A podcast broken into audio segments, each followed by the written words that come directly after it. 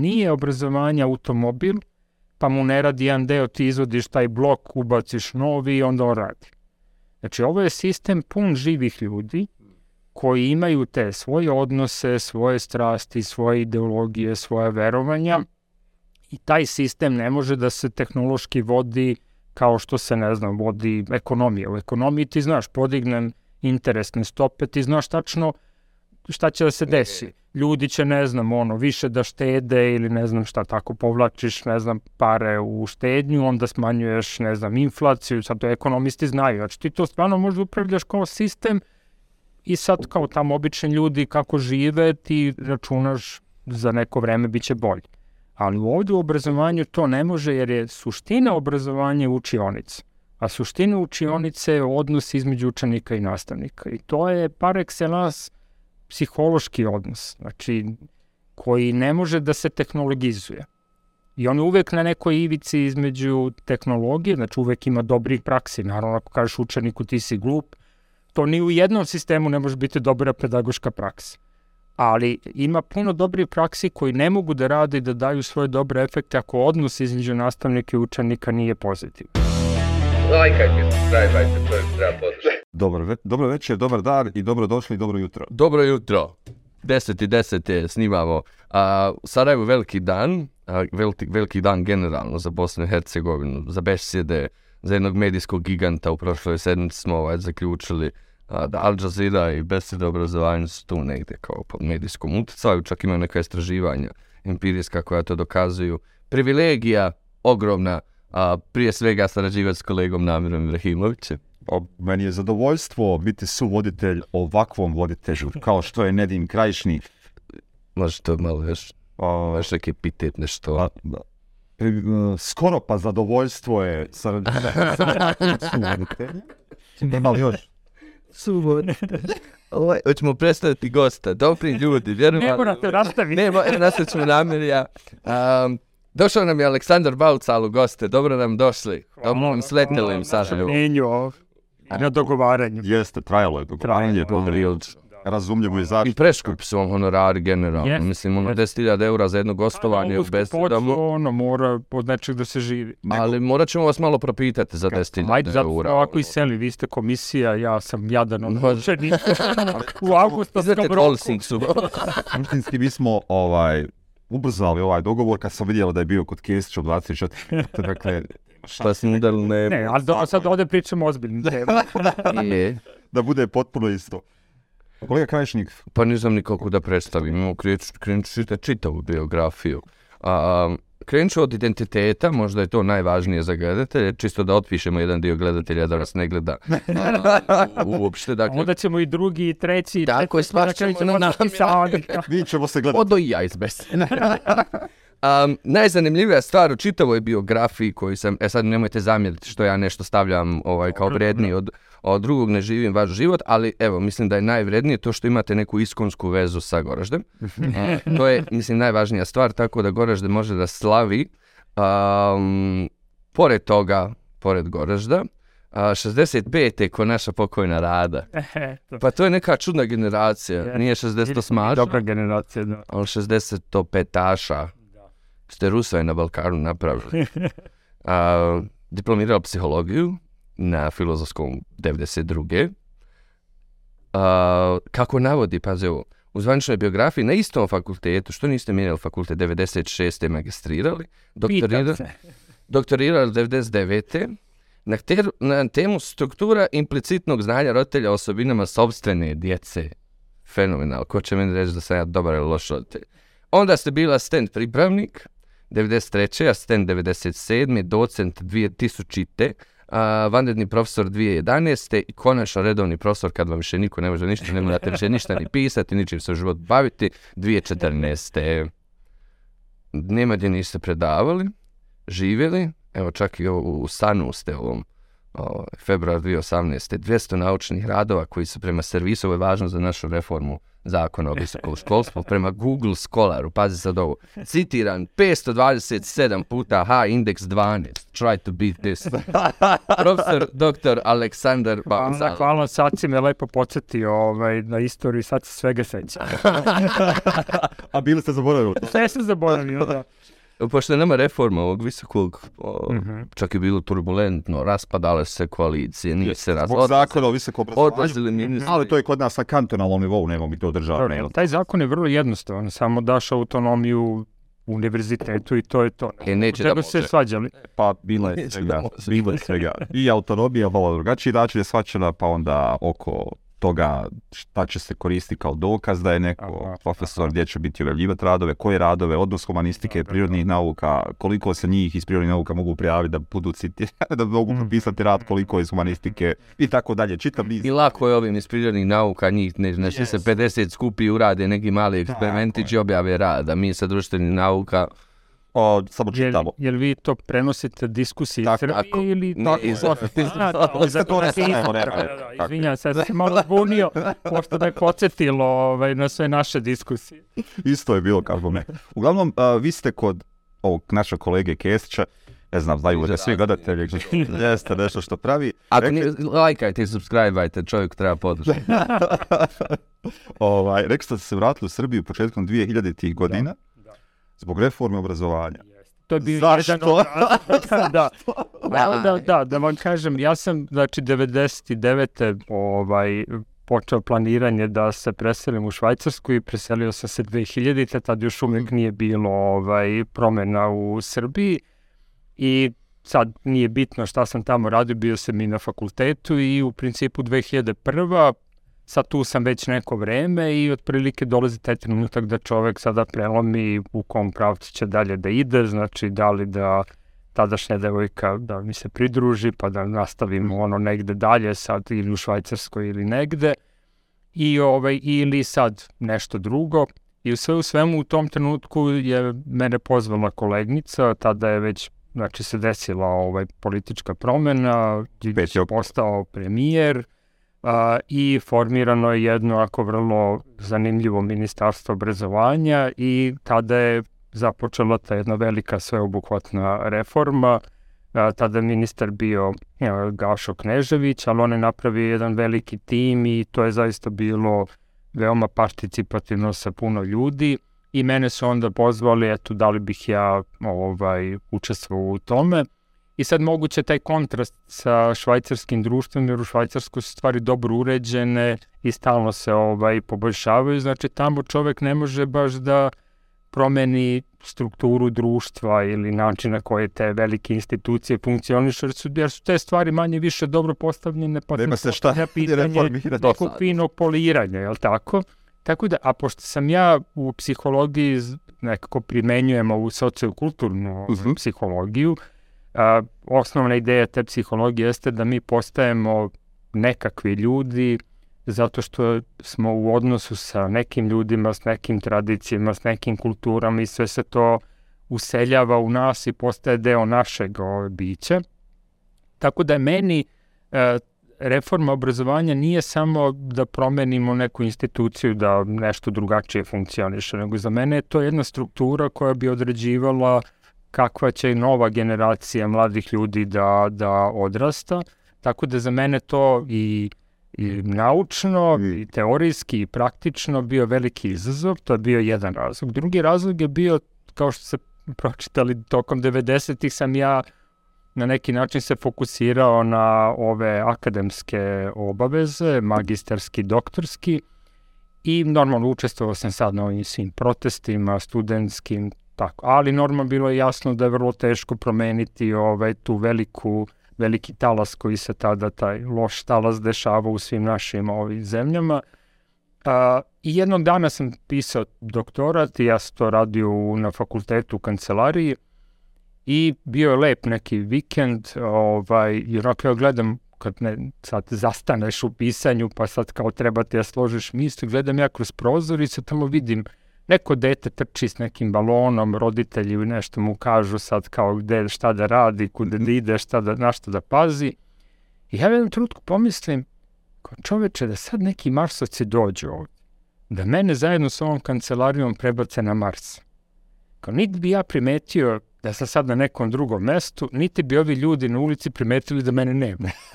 Jer ja tada shvatim kao, a ja jesam akademski tip, ali ja tada shvatim kao da nekako, šta je poenta da ti u životu samo radiš istraživanja, objavljuješ članke, što meni je veliko zadovoljstvo, I to, tad se meni rodila ta ideja da u suštini baviti se akademskom karijerom, a da nekako ne ostaviš nekog traga sa dobrog lošeg, to sad nikad čovjek ne zna, Čak nije ni ali da budeš deo tog života, te zajednice u kojoj živiš i da učestvuješ u nekim procesima, da pokušavaš da eto zajedno s drugim ljudima To je herez. nešto osmisliš. Tu se meni rodila ta ovaj loša ideja i eto te dve stvari, znači taj trenutak u Švajcarskoj i ta neka ideja koja je bila u ćošku nekog uma ovaj, i duše da treba biti deo nekog Bogu života zajednice, to su mi bili motivi. Sad ne kažem to bilo glavna stvar, ali jeste bila jedna od važnih izazova, eto da, da i tim je bio zaista jako ovaj dobar tada i tu uopšte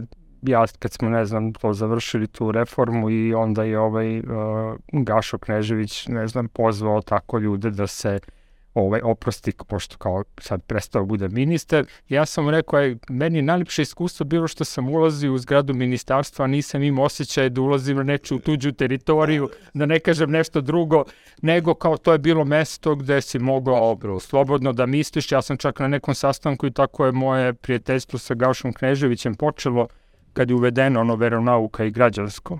Tada smo mi svi koji smo bili u tom timu, nek sam svi, ali veliki broj ljudi rekao da je to neprihvatljivo i da prvo ne treba uopšte praviti podelu između verskog, građanskog, da uopšte ne treba programe i određivati obrazovnu politiku na osnovu nekih političkih dogovora. Sve u svemu postojala je onako inicijativa da se ubedi Gašo Knežević da podnese ostavku kao iz protesta eto, zbog takve ove političke odluke i ovaj i sad na tom nekom sastanku mi se nismo znali ja sam rekao eto pa ako će to da pomogne kao da se uradi nešto dobro ja ide. mislim da je to ono sad da je najmanje važno sad ko je ministar i tako dalje i sad ja sam mislio ok to će verovatno da mi doda neke minuseve međutim ništa to nije promenilo. Čak smo se mi od tog trenutka nekako i više ono i bolje razumeli i ovaj i povezali i, i posle toga naš odnos je bio bolji. Tako da je meni Gašo Knežević u tom domenu ovaj, ostao ovaj, u veoma lepom sećanju kao čovek kome se eto mogao i tako nešto da kažeš jer Još je Ako ljudi koji misliš, su da. radili tada, zaista spominje taj period ministrovanja gospodina Mm. Kneževića kao nešto što je u, za obrazovanje u Srbiji bilo ne, potpuno Yes. izvan postojeće prakse. Ima još jedna stvar koju bi te ovde da istaknem kao dobar primjer da se svi ministri ovaj, mogu ugledati na to. A, on je imao takođe običaj da, a, dakle on je pružio, on je znao da ne zna puno obrazovanja, ali je gledao da uključi što više ljudi koji znaju različite oblasti. To je, ja ne znam i koji je to broj ljudi učestvovao u, u tim timovima, ali kad se uzme obzir i onaj participativni deo gde su organizovani u dva navrata veliki razgovori kao po školama, tu učestvovalo po 20 i nešto hiljada nastavnika, direktora, zaista bilo veoma a, participativno. Sad on je, on je delegirao te stručne odluke drugima, ali on u stvari bio taj kišobran koji to politički štitio. Znači nikada se nije desilo da čak i kada mi, jeli, po tim timovima smislimo nešto što možda je naišlo na neprihvatanje osudu, pa se pokrene neka javna diskusija, nikada nije rekao kao većina sadašnjih političara, ok, sad idi ti kao pomoćnik, pa ovaj, to tamo obrazlaži, neću ja da se izlažem toj nega, negativnoj ovaj, kampanji. Ne, on je uvek odlazio, čak je bilo nekada i tih ove trenutaka kad on u stvari ni uspevao ni dobro dobija se šta je bila suština to, Ali je bravo. ali je bilo stvarno ono viteški što bi se reklo, on je rekao znači vi ste moj tim, ja u stvari vas ove, štitim, ja sam vam dao poverenje i ja sam taj koji će da izađe i da stane ove, ispred vas kada god u javnosti postoji neki problem oko nekih uh, ideja, iako ja sasvim dobro ne razumem baš, ali ja imam poverenje da to što ste vi smislili naravno nije idealno, ali da je to ono što je dobro i za čega treba stati. Tako da mi je ostao u sećanju, on je nažalost umro kasnije, ali ostao mi u sećanju kao neko ko je, to što se kaže, bio dobar čovek, a ne samo ovaj dobar ministar. Znači, suštinski niste bili u pravu na tom sastanku. Važno je ko je ministar. Pa, Mislim, posle sam, ja sam bio, kao što sam rekao, znači to je meni bio prvi ministar, ovaj, imao sam verovatno idealističke ono, vizije, kasnije sam malo došao u kontakt sa realnošću, kako to obično bivo u životu, pa sam shvatio neke stvari. Doživotno učenje, ja sam naučio nešto. Hoće li ikad takav zamah u Srbiji opet biti? Ne znam šta da kažem, mislim to je bio poseban trenutak. Dakle, to je ipak, eh, to je kao i svako od nas u životu, sad ja ajde da psihologiziram, to mi je profesionalna deformacija, pa kao što i mi isto kad nam se desi neka velika nevolja ili trauma ili nešto, neki takav događaj u životu, tada smo mi najskloniji u stvari kao da se otvori jedan prostor za novine. Onda smo mi imamo potencijal da redefinišemo neke stvari sa kojima smo živeli jako dugo, da ih preispitamo, da ih promenimo i sad ne ide to lako, nekad u stvari najveće promene u životu nam se dese u takvom kontekstu, ako se dese, ali često se desi da postoji taj kontekst da mi krenemo u neko preispitivanje, ali da na kraju da se vratimo na ono što smo bili. Mislim da je na društvenom nivou u Srbiji to bio taj trenutak, zato što je to bio trenutak 5. oktobra kada je postala nekako uh, svest da su 90. da je to bilo nešto pogrešno i da sada treba, da smo se odglavili i da treba sada praviti neko novo društvo. I mislim da su tada i e, dobar deo građana koji je možda podržavao ovaj neko, neki osnovne ideje vladajuće stranke tokom 90-ih i Miloševića, da su imali, da im je to imalo smisla na neki način, da su i oni imali osjećaj da tu nije sve, na najmenju ruku da nije sve tu bilo baš u redu. Mm. O, I onda su i oni na neki način podržavali da se sada krenu u nekom novom pravcu. I tada je društvo bilo otvoreno za, za te duboke, ogromne reforme i to je bio taj jedan trenutak. Nažalost, na političkom planu vrlo brzo se pokazalo da je bilo lako napraviti koaliciju protiv nečega, to je 90-ih je na 5. oktobara iznet od strane ne široke koalicije Ideološki stranaka koje su bile na... koji su stvari nekako se usaglasili oko toga da je ta politika Miloševića loša i da to treba da se e, na neki način ovaj promeni. Međutim, vi kada stvorite koaliciju na onome što nećete, posle toga kad uspete i sada Milošević je otišao, sad se mi Dogovaramo šta sednemo hoćemo. I počnemo pričamo o tome kakva je naša vizija Srbije. E, tu se odmah pokazali u stvari veoma duboke razlike uh, između, sad, tu, sad eto, ove, Nedim je politikolog, ali evo ja kao naivni politikolog, meni se čini da to bila glavna ideja nekog kontinuiteta ne sa tim lošim stvarima, nego kao ipak da treba se zadrže neke institucije, neki, neke osnovne vrednosti, da ih je, da ih je Milošević sam u stvari kršio. I da te vrednosti ne treba baciti sa njim, nego na tome treba graditi novo društvo, a druga, druga, drugi narativ je bio ono što je zastupao Đinđić i on je smatrao sad to treba bude jedna brza demokratizacija u kome ćemo mi probati da napravimo u Srbiji neko moderno, savremeno društvo koje je bazirano na institucijama, na ljudskim pravima, na demokratiji. Tako da, eto, tu, tu se vrlo brzo pojavila podela između tih novih ovaj, demokratskih snaga i onda je ta podela u stvari se posle prelivala i na obrazovanje i 2004. kada je ovaj, došlo do posle izbora promene i kada je došla ovaj, Koštuničina vlada, tada smo imali tu jednu ovaj ministarku koja je onako neko bilo vrlo konzervativna, tradicionalna, ali ono što je bilo tužno to je da je cela politika bila tada demontirati što više onoga što je bilo planirano, a opet za 3-4 godine nije stiglo, jeste se isplaniralo, ali nije stiglo da se implementira i da se to ukoreni, jer nije reforma samo da ti uvedeš novu praksu, ona mora da se živi u školi, u učionici, mora prođe onaj period kad se nastavnici ne snalaze i, i normalno da se ne snalaze kada imaju teškoće, pa onda treba prođe neko vreme da se svi mi preorijentišemo, da počnemo da radimo na drugi način. pa tek onda da se saživimo sa tom novom praksom i onda možemo reći da smo stabilizovali tu novinu. Ali za to je potrebno barem 8 do 10 godina, tako da je ta promena politička došla u trenutku kada ono novina koja je uvedena nije saživjela, nije još pustila ono što je korenje i onda nju bilo lako demontirati jer ovaj samo izađeš i kažeš loše je ovo, loše je ono, a pošto su nastavnici već bili frustrirani mnogim novinama, Tačno, onda su oni rekli to je super, evo konačno neko ko će da nas spasi od tih novina. I tako, znači vaš razlog povratka u Srbiju vrlo brzo je Pa nije, nije, nije, ja ne, ja mi dalje, ovaj, to, to mi se i čude ovako brojni prijatelji i kolegi, dalje imam entuzijazam i mislim da je to vredna stvar i ono što ovaj, mene nekako, ne mogu da kažem sad teši, nego ono što mi daje smisla to je da te promene se ne dešavaju preko noći, da su to krupne promene i da ni u istoriji drugih zemalja se stvari nisu dešavale tako što je neko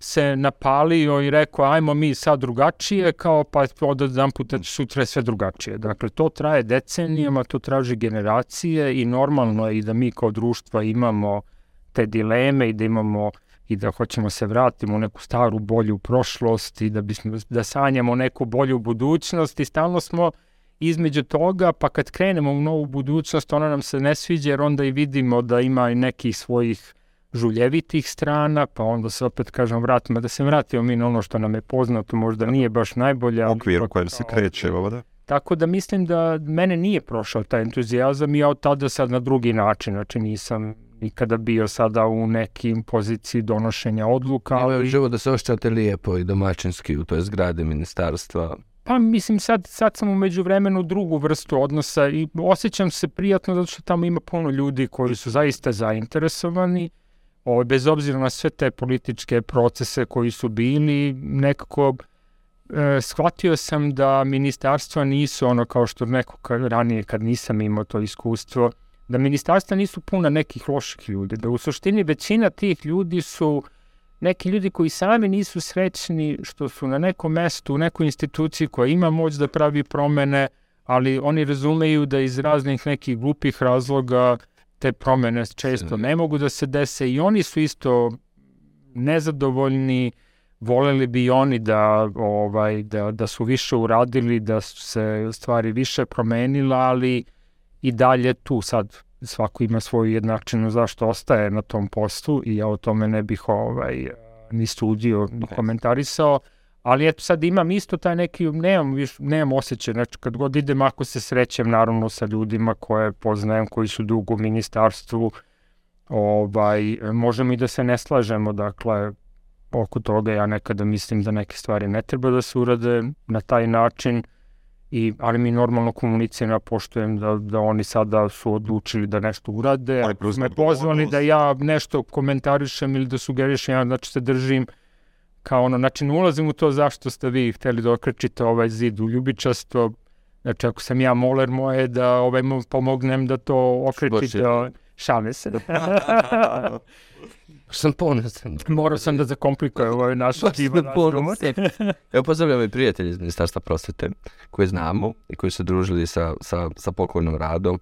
A, jutro smo razgovarali, evo i sinoć i jutro. Hvala što ste došli ovako. Hvala vama što ste pozvali, da se- da se- ovaj, da. družimo, nadam se da će vam sad ući u ovo. Baš smo jučer govorili u biti koliko, kao sad nam je postao Brisel a, tačka susreta, ova našla neka interna mo- mobilnost je a pritom vrlo malo kapaciteta na čitavom ovom našem prostoru i A delimo neke probleme zajedno koje neko iz Brisela ne može da razume.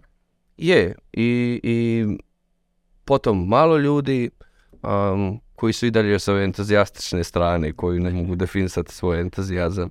A pa smo jutros govorili o tome, o ovom paradoksu da, da ove reformirane učionice kojima ste vi sanjali, 2000 ti kojima mi sanjamo od uvijek, negdje postoje uprkos ovom, ovom sistemu. Da, to, to je jedna od stvari koja me je onako nosila mi taj entuzijazam.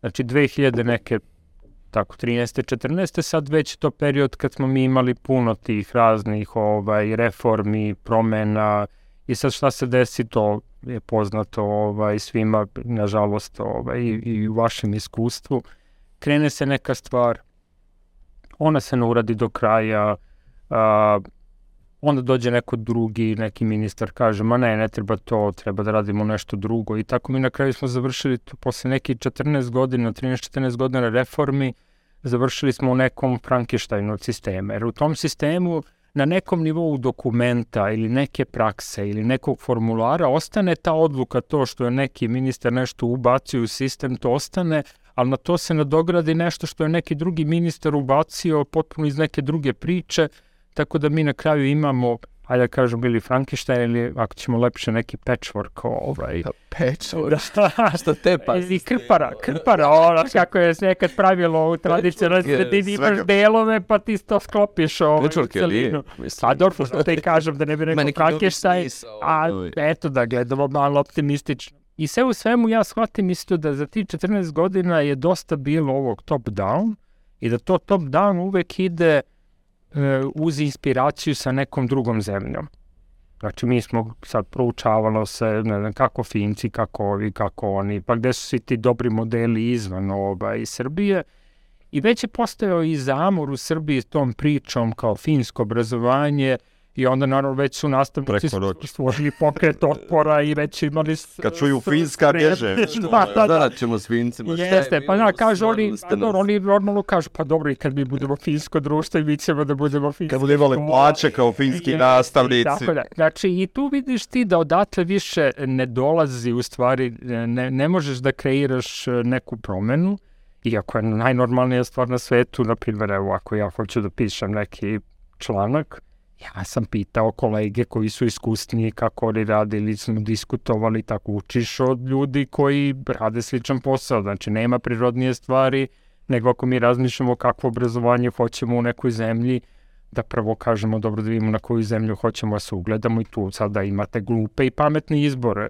Glupi izbor je ako izaberete da gledate kao model zemlju koja potpuno ne liči na vas po nekim bitnim elementima, A dobar izbor je ako nađeš neku zemlju koja je relativno ovaj, slična, pa kažeš, ok, da vidim šta možemo od njih ovaj, da naučimo. Sve u svemu, ok, stvorili su se društveni uslovi da ta priča da kako se radi u nekim zemljama i zašto je to dobro, da to jednostavno više nema argumentativnu vrednost. Znači, izlizalo se, istrošilo se, zato što su mnogi opravdavali te promene kroz te primere drugih zemalja, pa su onda to je izgubilo argument, jer ljudi kažu sačekaj, pa eto, probali smo, jeste vi probali da uvedete ovo, da uvedete ovo, da uvedete ono, zato što to postoji negde, znači to kod nas ne radi i to ne znači da je to loša ideja, ali ne radi, ne možeš ubediti ljude. I tu je meni sad upravo na ovom tragu ovo što si ti pričao, padne na pamet ideja, pa stane, ali mi stalno razmišljamo o nekom proseku. Kakav je naš obrazovni sistem? Znači, ako gledamo PISA rezultate, mi kažemo, dobro, tu smo, I onda kažemo to nije dobro mesto, znači ceo naš obrazovni sistem nije dobar. I to je sigurno tačno za, za tipičnu školu ili neku prosečnu školu. Ali mi zaboravljamo jednu od bazičnih lekcija iz statistike da oko tog proseka uvek postoji neka variabilnost. Da nije svaka škola u našem sistemu jednaka tom proseku. To je prosek zato što su škole različite, pa negde učenici nauče više, negde nauče manje, a taj prosek je neka sredina. I dobro, on nije dobar, ali kao sad je sa nekim kolegama smo diskutovali, nama padne na pamet, dobro, ajde sad čekaj, tu postoje neke oaze. Uprkos, znači, svemu, mi u sistemu moramo imati škole, makar po principu statističke verovatnoće, koje su i u ovom trenutku funkcionišu dobro. Znači, funkcionišu onako kako bismo mi želeli da većina škola u sistemu funkcioniše. I naša onda ideja bila, hajde da od, da prvo identifikujemo te škole i da probamo onda da vidimo šta je to što oni rade, kako su oni postigli, jer oni funkcionišu u istom zakonodavnom okviru, isto je finansiranje. Isti nastavnici. Nastavnici su isto obrazovani inicijalno, ako mi kažemo naše inicijalno obrazovanje tako i tako, pa zato nešto ne može, ali oni su isto školovani kao i svi drugi nastavnici. Direktor je verovatno biran vrlo slično opet sa tim nekim političkim uticajima, ka, a opet oni nešto rade očigledno kao ok. Imaju dobru djecu. Pa sad, da li je, možda su deca i tako. I mi se ono dogovorimo i tu nas podrži ovaj UNICEF u Srbiji, stvarno im hvala. jer to obično nisu projekti, to je malo musa projekat, eks, eksperimentalan, sad kao nije baš neka velika ono priča, ali oni su eto ovaj, hteli to da podrže. I onda smo mi krenuli i sad prvo je diskusija šta, mislim, šta mi da izaberemo kao dobru školu. Ja mislim, lako je reći, evo sad mi svi imamo neko svoje razumevanje šta je dobra škola, ali sad... Izlazni hoćemo- indikatori, uspjeh djece, eto, ulazni. Tako je, šta. To smo mi krenuli, nešto gledamo, znači, ok, ajde, kvantitativno, kvalitativno, znači imamo mi ovdje u Srbiji na kraju osnovne škole onu malu maturu, to je onaj nacionalni ispit i svi učenici to položu. A mi takođe imamo i možemo da imamo podatke o tome kakva deca upisuju tu školu. Znači, jedan parametar da bude da vidimo da li ta škola, da li tu učenici postižu mnogo više nego što bi se od njih očekivali, mi ću vidu obrazovni nivo roditelja, jer sad u nekoj školi ide 80% dece čiji su roditelji visoko obrazovani. U nekoj školi ide možda 10% dece čiji su roditelji visoko obrazovani. U nekoj školi idu deca iz porodica skoro sve gde oba roditelja rade. I možda rade neke profesionalne poslove i imaju dobre plate, a u nekoj školi idu ljudi koji možda radi samo jedna osoba i to možda na nekom prekarnom radnom mestu, nesigurnom. I sada nastavnici nemaju isti profesionalni izazov u tim školama, znači mi ne možemo da uzmemo samo šta su učenici postigli na toj maloj maturi, nego moramo da uzmemo obzir i ko Koji su ti učenici. Da. postigli. I tu ima ta metodologija u ove, u naukama, obrazovanju, to se zove dodatna vrednost škole, dakle to je već, mislim, poznata stvar, ništa mi tu nismo izmišljali, ali smo, znači, eto, zahvaljujući saradnji sa Zavodom za vrednovanje kvaliteta, oni su imali sve te podatke, mi smo ovaj, a, napravili analizu i sad smo identifikovali za svaku školu koji je taj added value, E sad tu ima naravno problem zato što u nekim regionima se zna da se prepisuje na toj maloj maturi, to je jedna tužna činjenica, ali to se zna i mi nismo teli naravno da sad takva, takva škola bi imala najveći edit value, ali ne zato što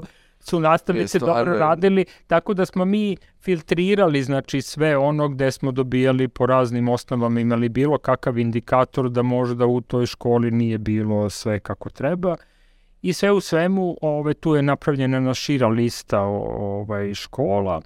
E, onda nije nam to bilo dovoljno, jer sad je pitanje da li u toj školi učenici puno nauče i ta škola added value zato što nastavnici nešto dobro rade ili zato što možda roditelji uzimaju privatne časove i tako dalje, pa onda bi bilo bez veze da mi taj added value pripišemo školi, a možda je to efekat toga što roditelji puno ulažu ovaj, i rade sa decom, tako da smo mi onda za sve te škole zajedno sa prosvetnim savjetnicima koji rade sa tim školama i odlaze u te škole i poznaju ih i tako dalje. Znači mi smo gledali da onda mišljenje stručnjaka, praktičara u sistemu da se na to oslanimo da oni nama, ne znajući kakav je edit value te škole, mi smo njima postavili čitav niz pitanja po kojima su oni nama davali mišljenje o toj školi. Bilo je kakav je, kako, kakav je nastavnički, kako nastavnici rade, kakva je inkluzivnost škole, kakva je saradnja među nastavnicima, da li učenici postižu, da li tu kvalitetna nastava, da li oni misle da učenici tu postižu dobre rezultate zbog toga kako nastavnici rade.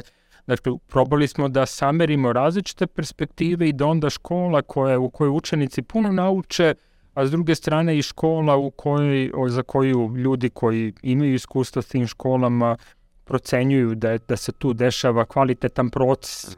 Znači, da bude kvalitetan ishod i kvalitetan proces. I još jedan element je bio da ne budu, pošto u nekim regionima je bilo više takvih škola, u nekima manje, mi smo izabrali deset iz različitih ove, delova Srbije, jer smo hteli da odemo posle da pravimo case studije i da posetimo te škole. Nama nije bilo sad, ako su sad, ne znam, dve škole iz Beograda, ne treba da pravimo case studije obe škole. Sigurno bi one bile donekle različite, ali nama je bilo zanimljivije da uzmemo jedno Svih, gradsko pa da. naselje u kojoj je škola dobra, pa jedno seoska dobra škola, jedna škola iz Beograda, jedna pa onda iz raznih delova Srbije, zato što smo hteli što veću raznovrsnost. I sve u svemu, znači kad smo otišli u te škole, to je stvarno bilo Sam divno iskustvo, da. Ko je ubica? Evo sad će da dođem do ubice.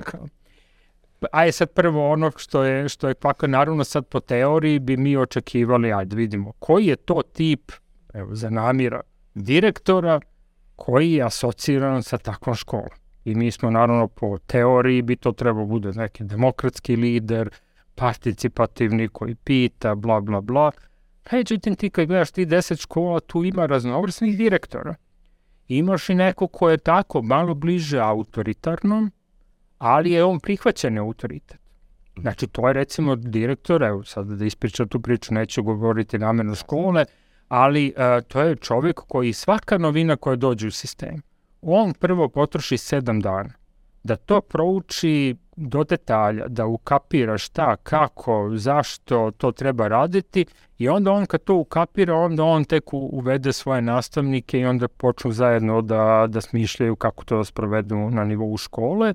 Tu nastaje, ali nastavnici se oslanjaju na tog direktora, imaju puno poverenje da je to što će on uraditi nešto kvalitetno na što oni mogu da se oslone i da je to lokalizovano za njihovu školu. Nije to neka norma koja je napravljena na nacionalnom nivou, nego to je sad on proučio i onda oni u principu prihvataju njegov autoritet, znači to nije baš prava participacija, jer on njima praktično delegira zadatke, ali je to prihvaćen autoritet. Bila je škola u kojoj je direktor došao potpuno po političkoj liniji.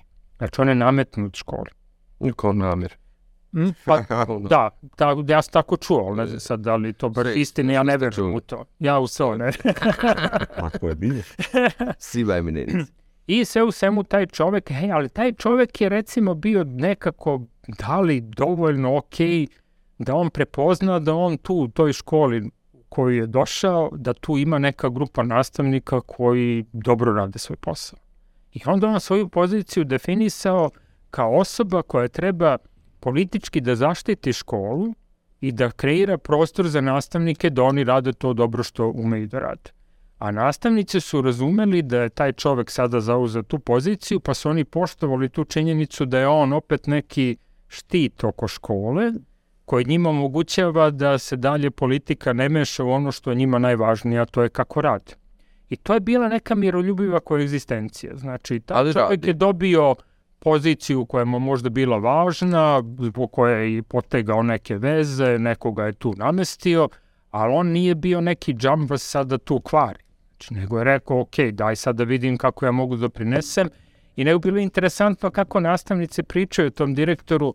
S jedne strane, nisu oni rekli sad to je super, kao što je on nama nametnut. To uvek tematizovalo se to, kao on je nama nametnut, ali kao uvek je bio onaj deo da oni iskazuju poštovanje kako njima omogućava prostor i tada. I sad, dakle, eto, dao sam jedan primjer, znači iz teorije se zna da kad gledaš velike brojeve u raznim zemljama, demokratski direktor je više povezan sa pozitivnim medidvelju. Ali svaka škola je mala zajednica. I kao svaka zajednica važna je kombinacija različitih elemenata. Znači, može da bude dobra škola, to je kao i dobra kompozicija. Znači, ako imaš u filharmoniji, ne znam, neke ljude koji sviraju, važno je kako ti ukomponuješ to. Znači, možda nastane predivna pesma i na raznorazne načine i ovako. Tako da i škola je jedna mala zajednica gde je važno kako se ljudi uklope, kakvi su oni i tu recimo onda je bitno upravljanje, ne može da bude jedno upravljanje za sve škole. Znači možda u toj školi, u Srbiji, u 2010. to je super da bude čovek malo autoritarniji, ali će možda isto u toj školi za 20 godina kad dođe neka nova generacija nastavnika, Biti neki direktor, e. takav direktor bi bio loš direktor. Evo što ja sad prepoznajem, pa ćemo graditi. Uh -huh.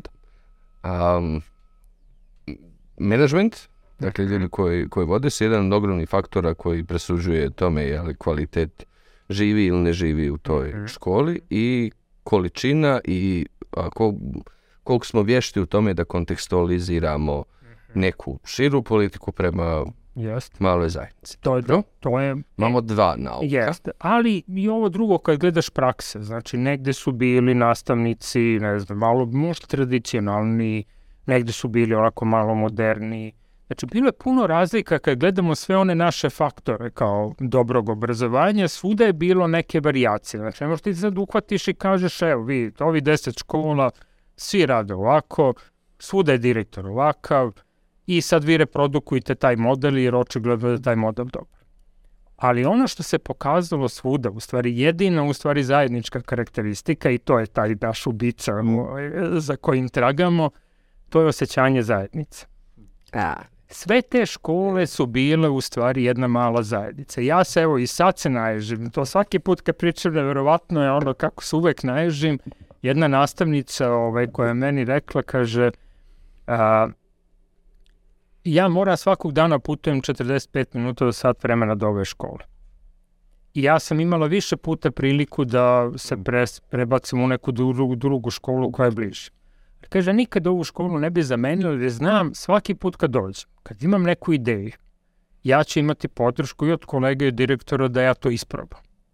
Ja mogu da odem kod bilo ko kolege na čas, ne moram ništa se dogovaramo, da odem da vidim kako radi, kao nikakav problem oko toga neće biti. Svako može da dođe na moj čas da bane kad god hoće, kao ja to uopšte ne doživljavam da mi neko ono sad tu Neprijatelj. nešto sve špionira i tako to dalje.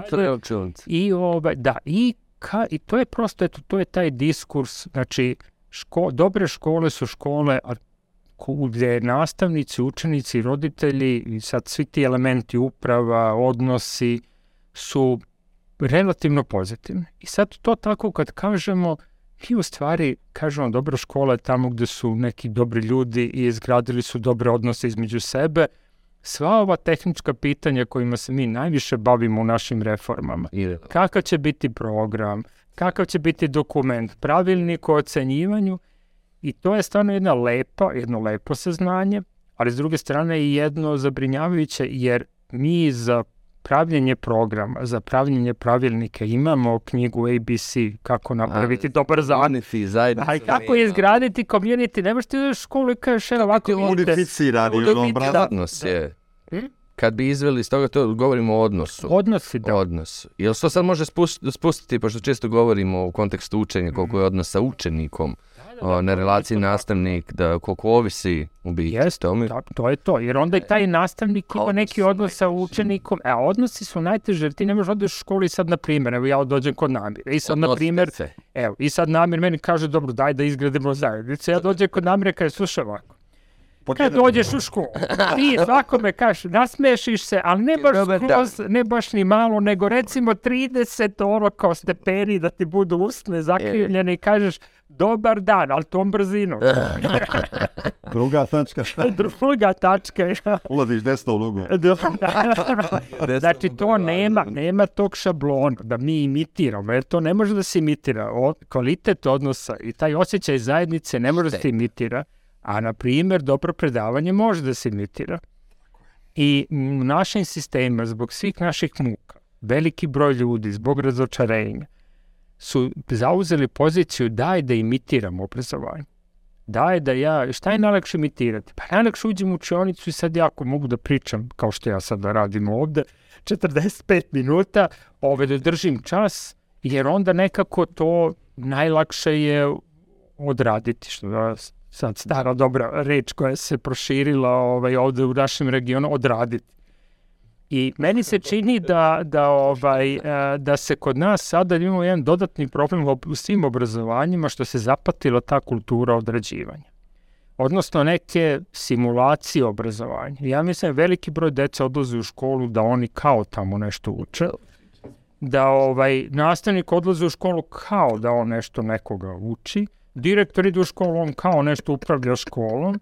Ove čak i u ministarstvu, ja sam rekao da te kolege, oni odlaze u ministarstvo, oni kao upravljaju sistemom i kao ga unapređuju, a nemoćni su. Ovaj jedan ministar, isto mi mislimo, svi vjerojatno oni uživaju, taj neki ministar može sve Ja mislim da i oni nisu ove srećni jer i oni kao su ministri nekog sistema koji kao nešto se... Kao, ovaj, kakao. I to je ono da ja kažem, treba da bude nama himna, ono kao kakao, lepi sol, jer je sve pretvoreno u to kao. I sad mi u suštini imamo situaciju kao kod Harry Pottera da su dementori ušli u obrazovni sistem i isisali svu, sva dobra osjećanja. I imaš ljude koji su predugo u toj situaciji. Znači, mi sada moramo prvi korak bilo koje reforme, znači, prije što dođemo uopšte do programa i svih onih tehničkih detalja. Prvi nivo je da oživimo te škole Da, da se, da se ljudi prepoznaju da su za, e, Tako je, ja sam predlagao nešto što je potpuno onako besmisleno na prvi pogled, a meni dalje se čini smisleno, to je, ja sad kao ona emisija ima da sam ja neko, ja da sam neko, ja bi prvo ukinuo dve godine, stavio hold na bilo koji. Znači, nema reforme. Dve godine, Ne do vam Bog. je, da, Kazna zatvora dve 3 do godine. 5 godina, Da. ako pokuša. i 20% praznih časova. Znači, nema nikakav program za taj čas. Znači, taj čas je samo da nastavnik i deca pričaju čemu god hoće. Ako je neka utakmica ili ako je sport Hajde. ili nastavnik da kaže Knoll. zašto je voleo da studira nešto, zašto... Ili radi to analizu bude. ovih happy. Može, šta god hoće da rade, samo da se sretnu kao ljudi. Jer kad pričate sa učenicima, šta je dobar nastavnik, koje nastavnike oni vole, ili koji je neki transformativni moment u njihovom odnosu prema nekom nastavniku, obično ispadnu priče, evo da dam jedan tipičan primer, jedan učenik ispričao kao da je njemu bilo neverovatno kad je on video svog nastavnika koji je otišao u bioskop da gleda isti film kao on. Jedan put, kaže, on je shvatio da je taj čovek kao Čovek. čovek da on Normalne stvari radi u nešto, životu. Ono kao, zanima ga neki film i vidi, zanima ga isti film kao i mene, kao i otišli smo kao ovaj, na, na U isti mene to film. plaši, to znači da sa druge strane neko kreirao arhetip nastavnika, oko kojeg je neki strah i moć. Pa i malo ovo se sad zapatilo, ta loša atmosfera i kažem, svi su sada se štite. Štite se time što se zatvaraju u neku, nešto rudimentarno. Znači, ako sam ja nastavnik, dođemo, držim 45 minuta, znači to je najmanja verovatnoća da uđemo u sukob s učenikom, da uđem u sukob sa roditeljem. Znači, moj, moj cilj kao nastavnika je da minimizujem rizik od bilo kakvog problema. I onda to isto radi i direktor, to isto radi i ministar, i svi otprilike upravljaju sistemom samo da se minimizuje, da ništa tu ne zatalasa, Ne da se ne pojavi u medijima. I to, To je. čini mi se modus operandi, znači preživljavanje. Ili ako se pojavi da to ugušimo, kako znamo, A, jutljebo. to, da, da. Jer od, od bilo kakvog ovaj, ra- rasplamsavanja rasprave neće izaći ništa dobro. I ljudi jednostavno sada, ja mislim da je to strategija preživljavanja, ali sad to suviše dugo traje i to više nije privremena strategija, sad je ona postala navika. I sad je teško u stvari da... Menjati navik. A treba oživeti taj sistem nekako. Ja vi kažem, eto, dao sam ta dva primjera, znači da prvi cilj bude da se rekonstruiše škola kao zajednica ljudi. Znači da se ti ljudi da, da nekako se upoznaju, da se bliže, da, da i roditelji i nastavnici i ta deca, znači da oni shvate da je to njihov prostor. Recimo, zašto dete u školi? Pazite sada iz perspektive deteta. Dete odlazi, u, probudi se u osam. Ode u školu. U toj školi mu neko priča nešto što je taj neko odlučio. Završe se časovi, dete odlazi kući. Šta je za dete škola?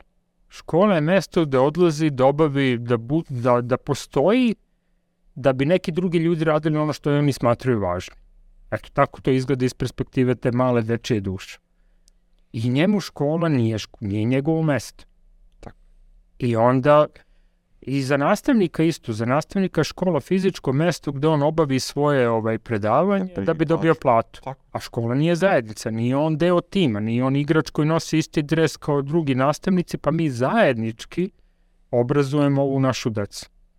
A roditelji isto sad isto, nažalost, i oni su sad su- stekli, da, Djeca ono, dobiju animozitet prema nastavniku, samo ocen, onda spopadaju nastavnike. Ti kad slušaš u Srbiji, kad pričaš s decom, tebi se smrači i kažeš, pa kakvi smo mi odrasli ljudi, ako svakog dana s osmehom pošaljemo decu u takvo iskustvo i to iskustvo traje 5-6 sati. Mislim, kako deca nas doživljavaju? Iz sedmice u sedmicu, iz mjeseca u mjesec, iz godine. Slušaš Prinudni smještaj. Slušaš nastavnika, on kad ti to ispriča, tebi se stuži kao. Pa kakav je to život gde radiš, pazi, jedan posao koji je plemenit. Mislim, ne, ja ne znam šta ima još, malo ima takvih zanimanja koji su plemeniti, lekari, Je. ne znam, socijalne službe, da Direktor pomognu škola. nekome. Da, i svi, sve kada slušaš, užasno su svi nesrećni ovaj, u tom sistemu. Tako. I to ne možeš ti tačno ono kako slušaš ono nastavnike, tako ti dobiješ sliku kako su ovi današnji roditelji. Kad pričaš Kako su djeca. Onda kažeš, jao, kakvi su ovi nastavnici, roditelji su puni žalbi o nastavi. Znači, ti vidiš jednu kao ono nesrećnu porodicu gde se svi nešto međusobno ne vole i sad ne, ne vredi sad ti u to da, da kažeš, evo, ajmo nove programe, ajmo nove standarde, evo novi pravilnik ocenjivanja, jer će sve to da pojede, znači Tako je. ta Nesreća. nesreća to sve pretvori u neku besmislenu ovaj praksu. Što znači da više u nesreći. Mora to pretvodi da proglasimo vanredno stanje. Ovo nesrećalo koja postoji sad, dakle to je nesreća koja je ustaljena i očekivana. Dakle, ja znam pretužno. da nesretno idem na posao. Još kad mi neko kaže da sad moram da nešto mijenjam u toj svojoj nesreći, pa da dodam nesreću na tovariš na sebi. Kaže da će se to vratiti sreću, Yes. to je možda... Ne, ali to ja mislim u toj nesreći ljudi vape za nadu. Znači, nije lako uopšte, mislim, ok, umrtvim se, pravim se mrtav, idem tamo, odrađujem, ali ja mislim da svi mi, sad opet psihologiziram, kao ljudi imamo potrebu za nadu. Za, za nekom perspektivom, da, da, da nešto mi se danas dešava, što će me možda voditi da sutra bude drugačije i da se izmeni ovo što me danas žulja. I ja mislim da je to nama najveći resurs, da sad, pošto je situacija došla do toga, tako bismo uspeli da stvorimo nadu kod nastavnika, da, da ih pokrenemo i da im kažemo, ajde da zajedno sada probamo, evo, mislim, videli ste kako izgleda bez reforme, znači to znači bit će ovako kako nam je danas, znači nismo zadovoljni, plata nije velika, niko nas ne ceni, jer pazi sada, ti radiš u školi, pa plus tebe niko ne ceni.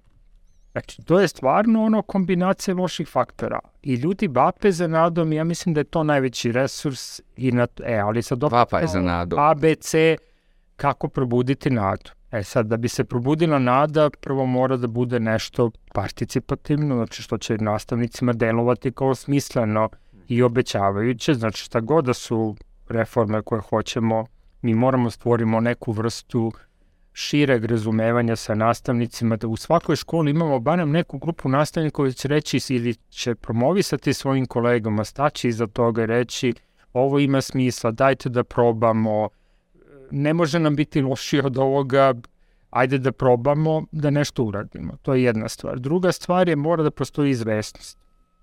Moramo naći način, ok, menjaju se ministri, ali mora postoji neki institucionalni pattern, da li neki savet za ovaj, obrazovanje, za reformu, koji će održavati kontinuitet. Znači, gde će biti ljudi koji se neće menjati politički, Nadpolitička kategorija. nadpolitička gde će se staviti, ne znam, stručnjaci, predstavnici nastavnika, dakle da to bude neko telo koje nama i nastavnicima, a i društvu garantuje kontinuitet. Dogovorili smo se da idemo u ovom pravcu, nek ti dogovori traju i dve godine ako treba, to je ona ideja, dve godine ništa ne radimo, ali u pozadini treba da Dogovaramo se ova struktura, dogovaramo se u kom pravcu ćemo da idemo, ali dogovaramo se tako da je taj pravac za sledećih 10 godina i da ga nećemo menjati. I onda taj savjet treba da poštuje koji god ministar da dođe, ministri će se menjati zbog prirode političkog sistema. Četvorogodišnjih. Znači oni treba da, da to ministar poštuju kao političku figuru koja je rezultat nekih političkih odnosa snaga,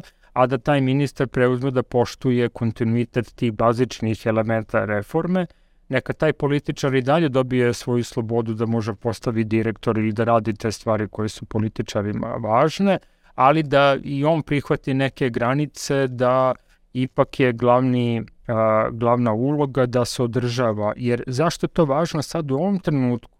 Čak i da mi nastavnicima damo nešto što je ubedljivo, oni će da kažu, slušaj, ok, ovi se napalili, sad ovi što su se sad napalili, tu, ova priča zvuči super i meni baš deluje ono super. Ali nisam lud da se pokrenem. Jer za dve godine će otići ove što se sad napali, onda hoće neki drugi koji Pa će, će nešto drugo. se napali na nešto drugo. kao. A ja sad treba se napali, pa da kao živnem, a onda opet da se razočaram. Tako. I onda kaže, čuti, pravi se mrtav.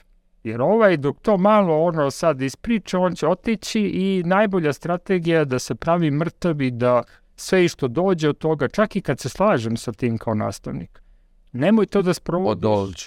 Da, opet moram da odolim isto. ono. da. Neću. Znači, drugi element je, mora neka izvesnost, inače nastavnici neće teti opet. Ba ja sada pričam o Srbiji, ali ja verujem da je ta nekako priča šira osoba i od Srbije.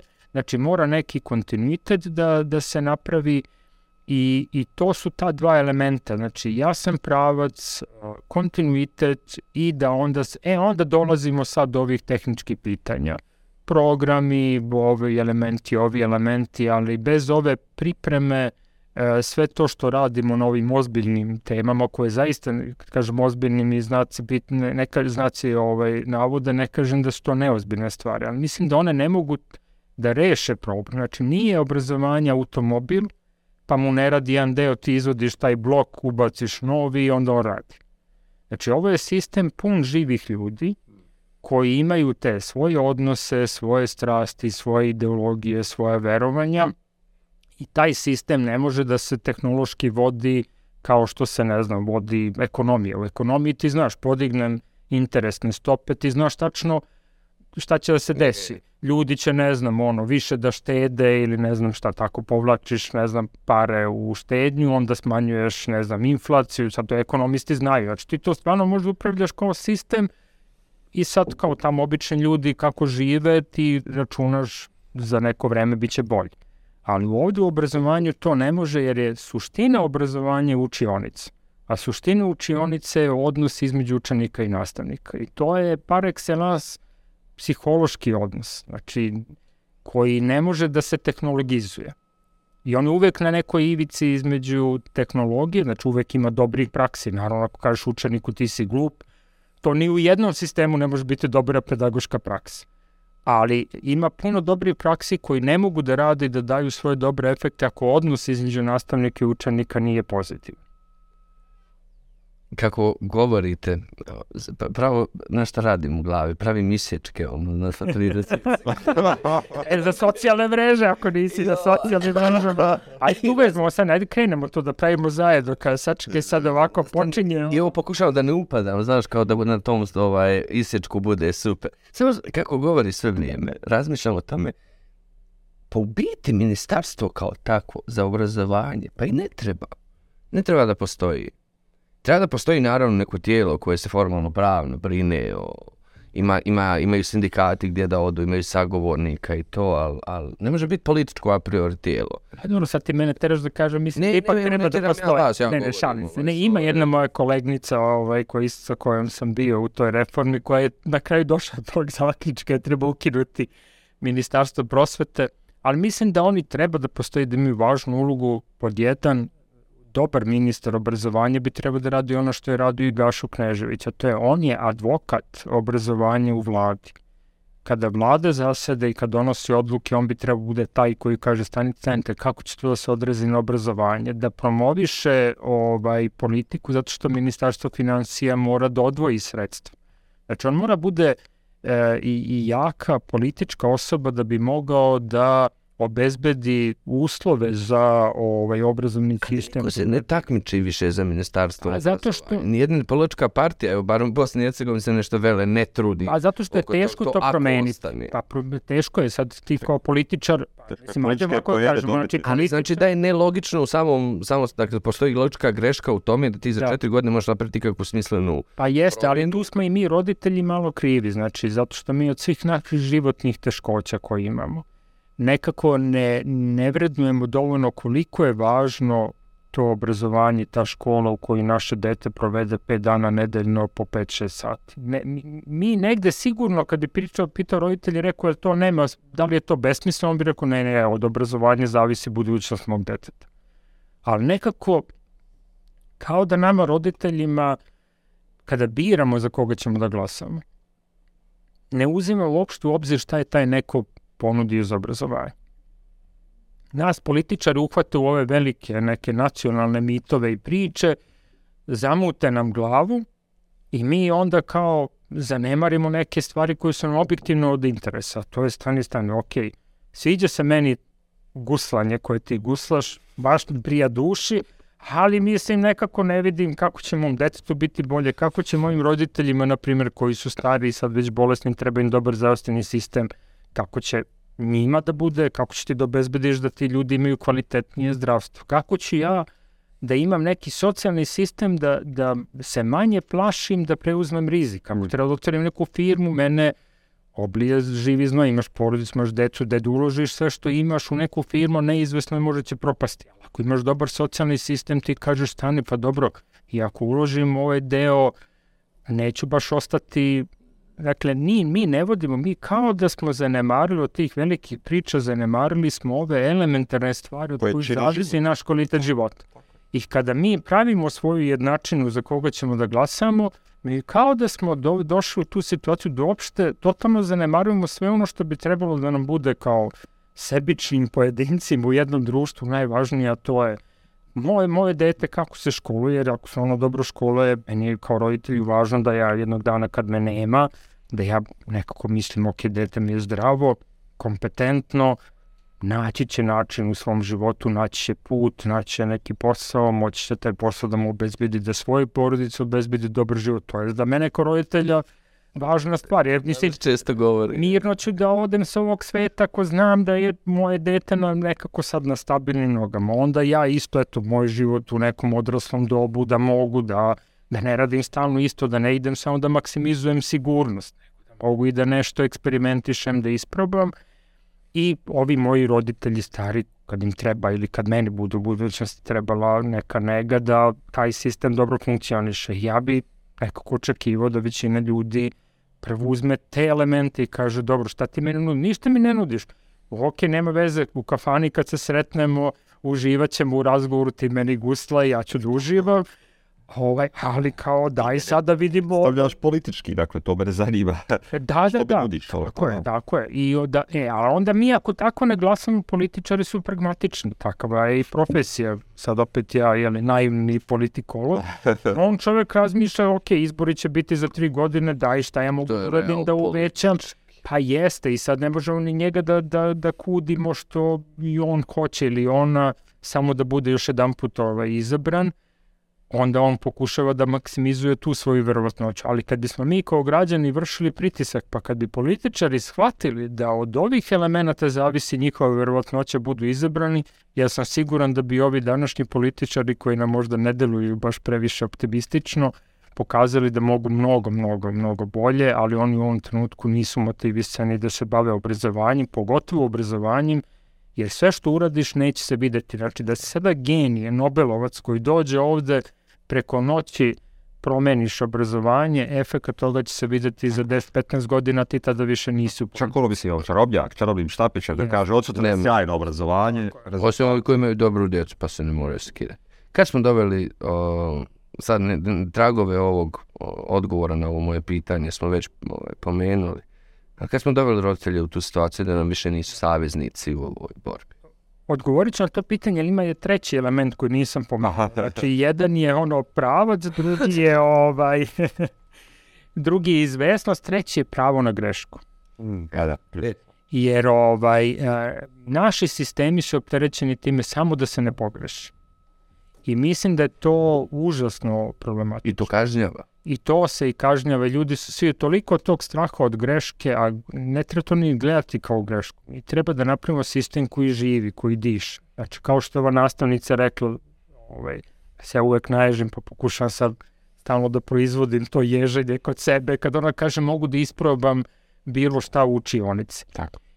To tre, mi treba da dovedemo što više nastavnika u tu poziciju da oni budu živi ljudi, kaže, i kao vidi, sljedeći put bi mogao da isprobam, recimo da radim ovako, pa da vidim, možda će o, deca da budu sad više zainteresovana, možda će da, da to u stvari klikne sa njima, pa ću ja odmah da imam taj osjećaj, je, kako je ovo uspio. Mala pobjeda. A nekada probaš, a deca te gledaju ono, What? šta se ovde dešava, kao što se ovaj glupira ovde ispred nas, kao, i ti vidiš to nije uspelo. Ali onda, znaš, sa, onda ti dođe inspektor pa kaže, šta vi to radite, gde ovde piše? Pa niste pet minuta administrativne zabeleške, ono, Niste napravili. motivisali djecu. I, na, i, znači, to, taj sistem treba opustiti, znači treba, mu, treba dati taj prostor za disanje i treba nastavnicima reći, vi ste profesionalci, vi ste školovani, isprobavajte. Vaš cilj treba da bude da ta deca nauče neke najvažnije stvari. Mi smo sad Još jedno, da opet ne digo od Vukoga to pitanje, gledamo tu ključni problem.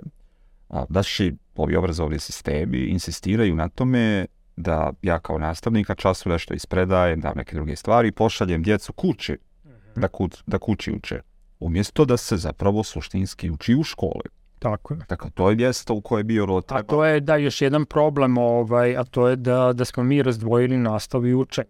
Tak, mislim, u teoriji to imate sad, znate, ono svuda se piše nastava slash učenje, kao to je jedinstven proces u kome nastavnik nešto radi, znači to je na, nastave ono što nastavnik radi. Nameni uči- da, sanu. ali je to interakcija, pošto je interakcija, ne možemo da razdvojimo ta dva elementa, nije nešto nastavnik drži nastavu, pa se tamo posle desi učenje. A mi smo to u našoj praksi totalno razdvojili, znači nastavnik kaže ja ovde predajem, to je nastava, a učenik kod kuće uči.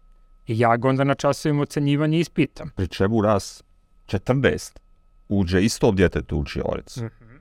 I mi se uopće ne dogovorimo šta ćemo od istog djeteta da tražimo, nego ćete vi tražiti svoje, Nedim svoje, Imer svoje, ja Ja svoje. za tu odgoj u ovoj, znači. ja hoću, je, suštinski hoću da kad naredni čas svoj bude, da to dijete zna. Briga me da li ste ga vi tražili, da isto to zna ili nešto drugo, da li Nedim traži. Mene to ne zanima, mene zanima da ja ispitam, ocijenim, da vidim ili dijete sa To je to, i to je jedan problem. Znači, sad dete znači, čak ne doživljava kao školu, kao mesto za učenje.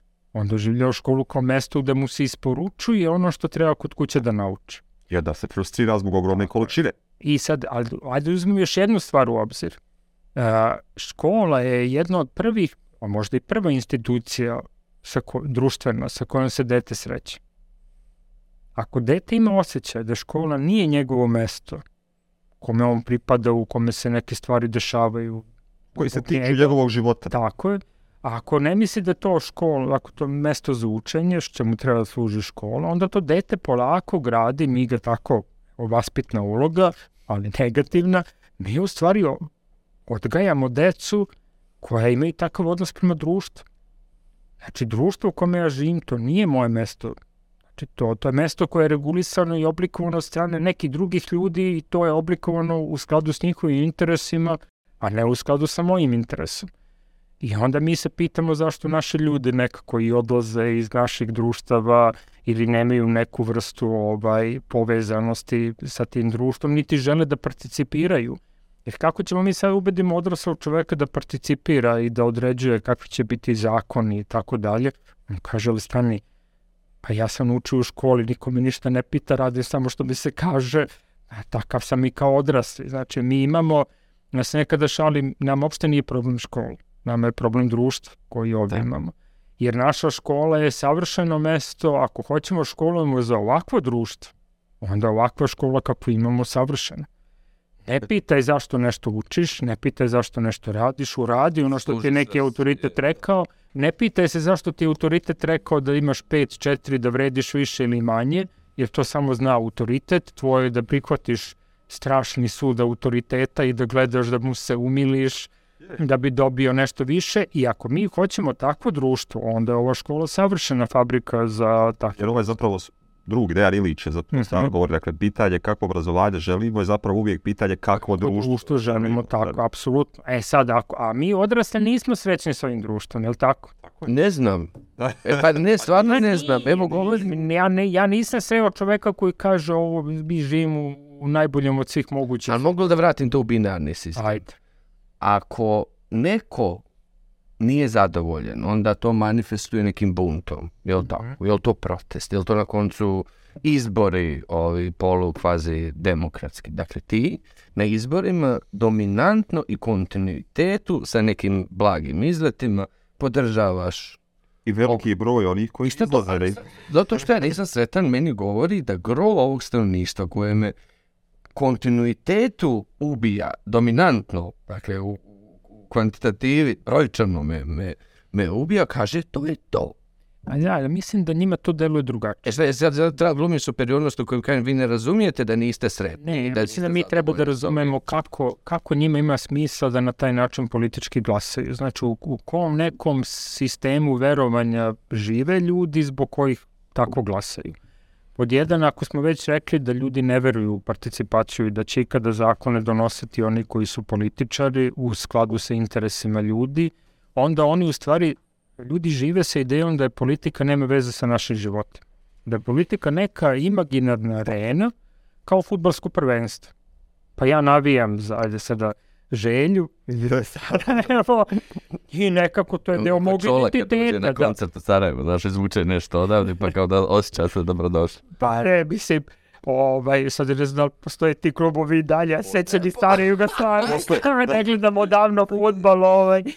Ali kao to je to, i sad, pošto to nema veze, to je neki imaginarni prostor u kome se neki ljudi nešto međusobno bore za, za uticaj, a ja sam, eto, moji roditelji ili ja sam iz nekog razloga počeo da navijam za ove, onda ja nekako, to je sad pitanje identiteta, gde ja sada da kažem, ne znam, o, Namir više nije dobar političar ili ta stranka nije više dobra, pa da promenim nekako. Ja to kao da sam izdao svoj rod i neku tradiciju i tako dalje.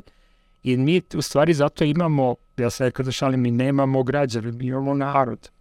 A narod znači je povezan drugim i on uopšte ne vidi političar, on ga vidi kao simboličkog reprezenta nekog identiteta.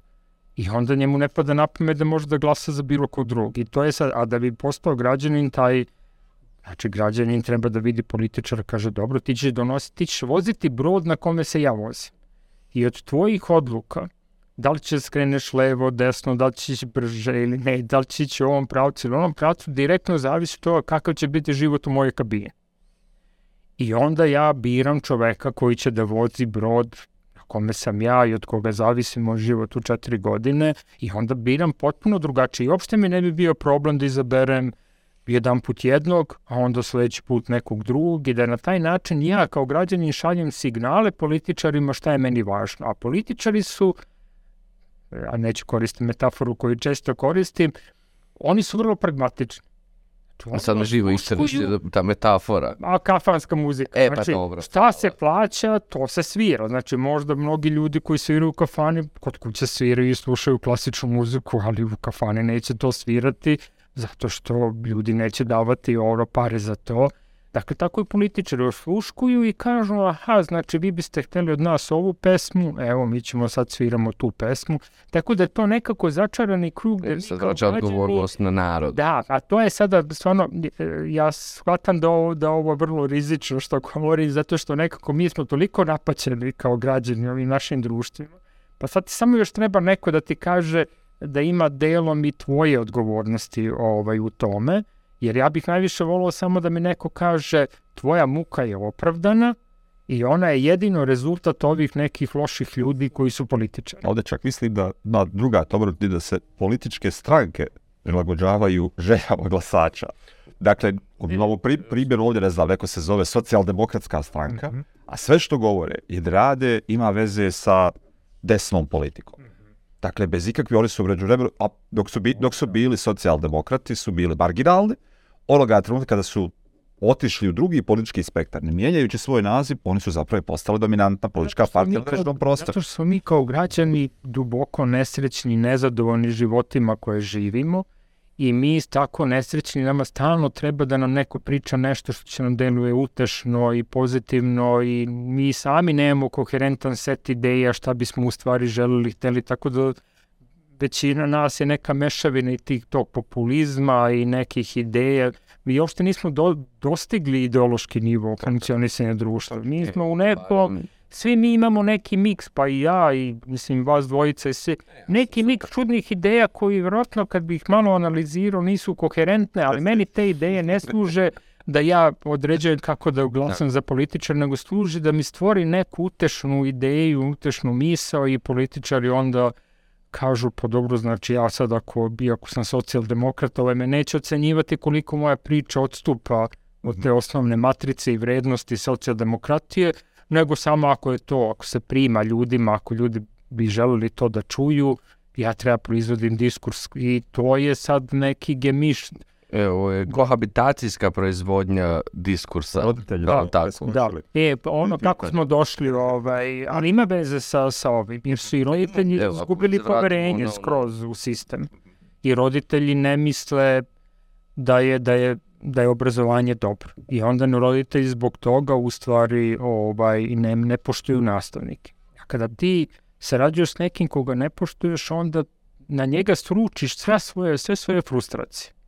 I zato se i dešava to, tipa nastavnik je, na primjer, ne znam, ocenio učenika nekom ocenom, a ti kao roditelj dođeš i sad si nezadovoljan, ali ne poštuješ tog čoveka kod koga treba da izraziš ne- nezadovoljstvo. Jedna od osnovnih stvari u svakoj komunikaciji prvo da, da poštujemo osobu sa kojom komuniciram.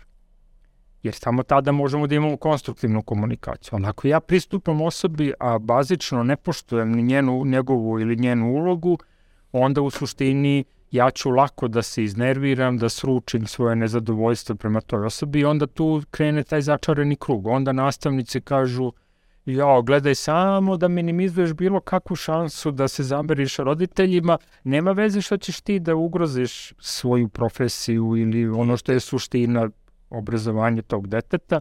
Važno je samo da mi se niko ne nakači na vrat i da bude mirna Bosna, što bi se reklo. Ovaj, To najvjernije. Ništa nije mirno kao Bosna.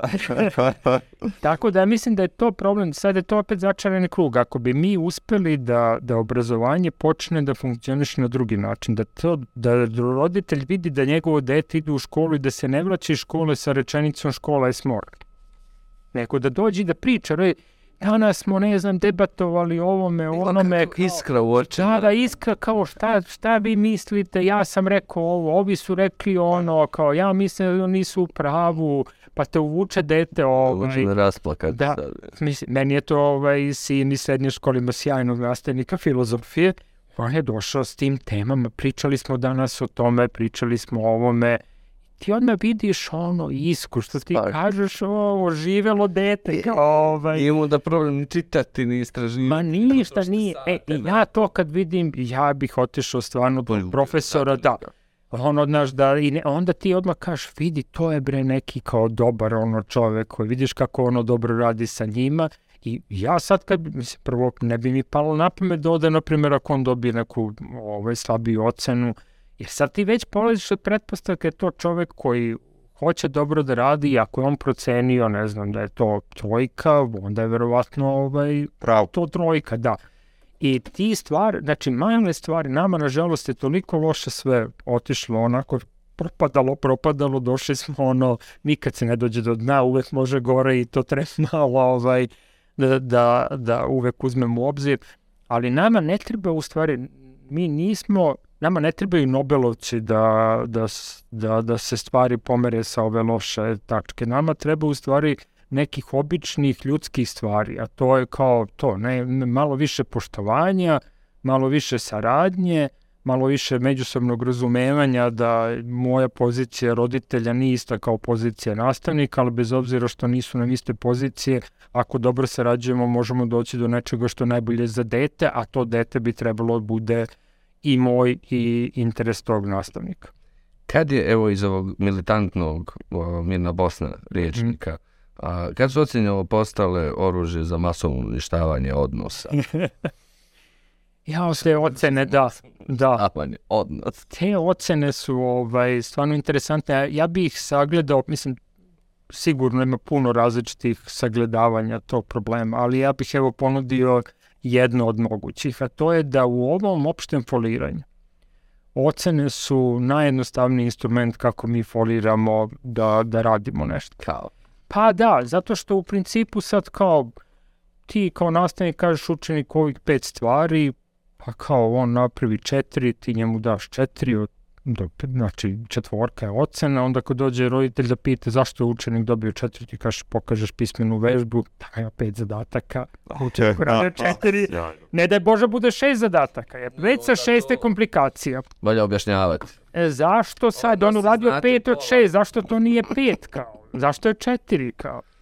E, sad ću ja ispričati priču ovaj, o tim nesporazumima, to je kad se uvela, ovaj, uvelo ono opisno ocenjivanje, znači u prva tri razda kao deo ove ne- reforme, gašene ovaj, reforme i ovaj, a, I, I sad to je bila, znači ta ideja da se napravi nekako bolja ravnoteža, ok, nek ostanu ocene kao sumativno ocenjivanje, ali daj nek se napravi ravnoteža sa feedbackom, znači da se malo uvede i ta vrsta iskustva, da nastavnik prokomentariše učeniku, evo, odlično savladao si to, to, to i to, u ovom nekom narednom periodu treba se obrati pažnje na to, to, to i to, a, bilo bi dobro da sada se vežba to i to, to su bila ta tri elementa, šta je dete do sada dobro uradilo, savladalo i tako dalje, onda drugo je li šta su sada, šta je u zoni narednog razvoja i sad šta dete treba da radi i to isto kada ispričaš roditelju, onda se stvara i bolje razumevanje ako roditelj hoće da pomogne detetu kod kuće, onda i roditelji i nastavnik imaju isto, isto polje kojim se bave kao. I sad tu je od početka, poč, pa je uvek tu bilo neki tenzije, nastavnici su rekli, pa de, ja nema vremena i sad jeste naravno sa 30 učenika, verovatno i nema vremena, ali malo i nastavnici tu preteruju, ima modela, kako to može, sigurno treba da se smanji broj učenika, ali ja verujem i kad bismo smanjili broj učenika, nastavnici dalje ne bi volili tu poziciju da treba da daju neki elaborirani deo. I onda ministarstvo u jednom trenutku da bi tome doskočilo, ministarstvo je reklo ne, ministarstvo je reklo e, sad nastavnik mora da ocenjuje četiri puta u jednom polugodištu. I ja verujem da je ideja u ministarstvu bila sledeća. Ajmo mi da stavimo četiri ocene, jer onda ne možeš četiri puta da ispitaš celo odeljenje usmeno, ili tako? Znači, to nemaš časova za to. Znači, onda će nastavnici dalje dva puta oceniti to sumativno, a onda dve ocene će biti formativne. Pa kao, verovatno to bila ideja. Međutim, to je proizvalo u praksi totalno suprotan efekt. Nastavnici su rekli, treba četiri puta da ocenim, pa to je nemoguće. Ha, sad jedini način kako mogu da uradim da dam četiri kontrole vežbe po pet zadataka. Da ne bi bilo što zna. I onda je u stvari umesto da, da ta mera ovaj, na neki način stvori oslonac za neku drugačiju vrstu ocenjivanja, ta mera je paradoksalno u praksi stvorila hipertrofiju ovih sumativnih ocena, što je sada još dodatno ovaj, pogoršalo ovaj, situaciju.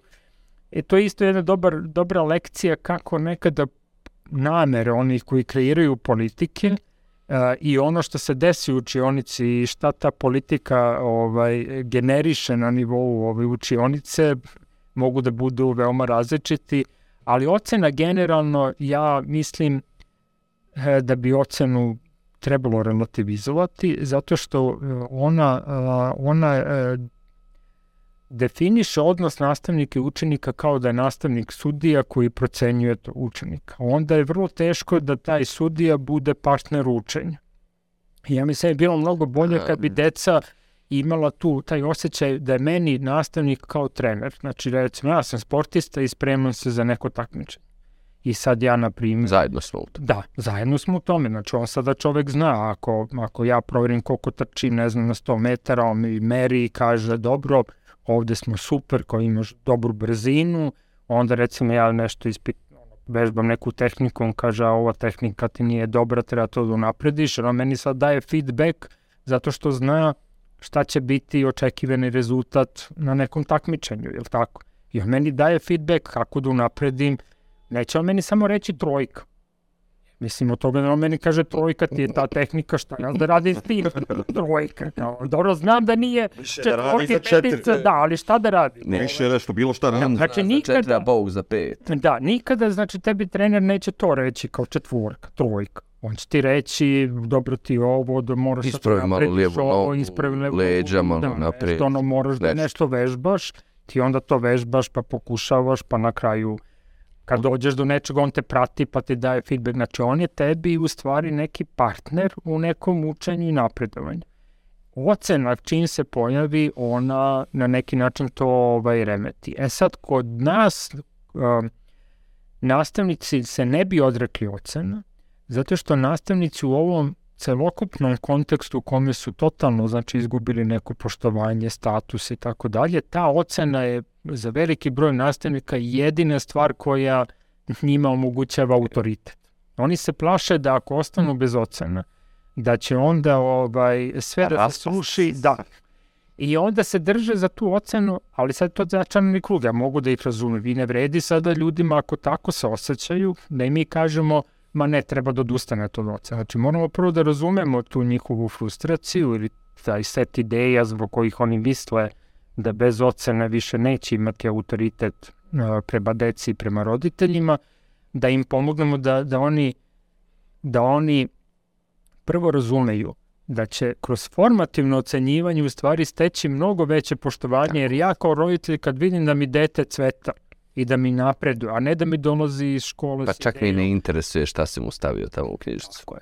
Ali sad to treba prvo ubediti nastavnika da odustane od ovoga što mu je poznato i što kaže, ok, ovo mi je poznato i vidim ovu ocenu koja je jedan važan moj instrument, da od toga odustane, da se odvaži da krene u ovom pravcu odustajanja od tih brojčanih ocena, sumativnih ocenjivanja, da krene u ovom pravcu formativnog i onda moramo da mu pomognemo jer to je jako drugačija praksa. Znači, za to treba da se da puno podrške nastavnicima da bi oni transformisali svoju... Trebaju učenici puno više da rade na čas.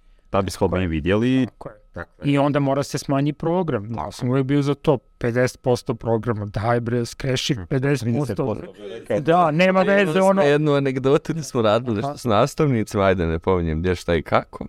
I kao uvijek je taj, taj, taj jedan ogromni kineski zid koji stoji kao MPP i količina tog sadržaja. Hm, Ajde, 30% da skrešete.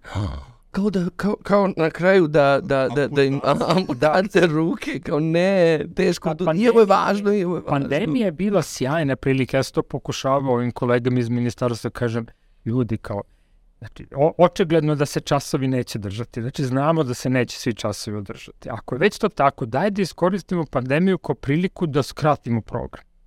Znači, da, Super. da, evo sad kad je takva situacija, imamo neko objektivno opravdanje da ne mogu se održe sve teme, hajde lepo skrešemo ono na ne znam koliko, 50%, ali da se za to 50% ljudi imaju malo više vremena nastavnici da preko Zuma s nekim učenicima rade, da se zadrže na nekoj temi i da tu isprobamo sad neke druge Super prakse, prilika. kao, Ovaj, da, super prilika, pa kao da vidimo tačno i kako će to da bude.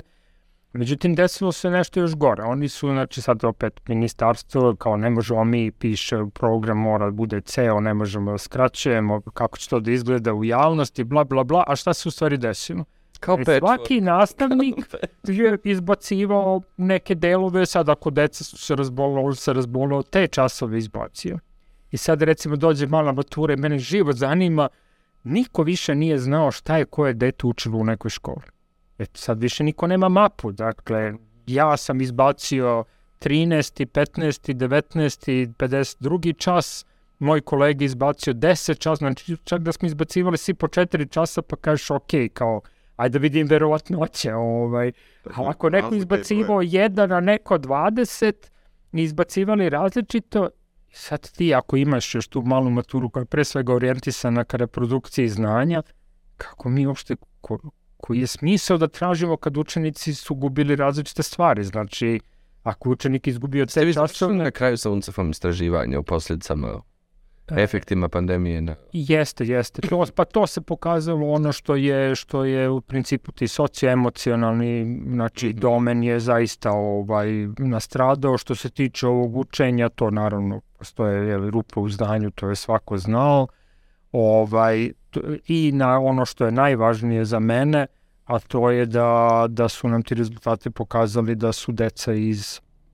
siromašnih porodica iz onih porodica Znači- koje teško žive najviše pogođeni jer oni često nisu imali bez obzira bilo je puno truda da se svakom učeniku bezbedi materijali i, i konekcija i tako dalje, ali to naravno u tom nekom vremenu nije moglo sve da se uradi, tako da su nekako najvišu štetu imali oni kojima je obrazovanje najpotrebnije, jer bez škole i bez kvalitetnog obrazovanja mi ćemo u stvari samo povećati šanse dece koje žive u uslovima siromaštva da i budu odrasli koji su koji žive u uslovima siromaštva. Tako je mi to najtužnija činjenica i najvažnije u tom istraživanju, ali nekako to nije dobilo ovaj prioritet u, u nekim diskusijama. Kao što je u Hrvatskoj, na primjer, Jokić uspio da nametne.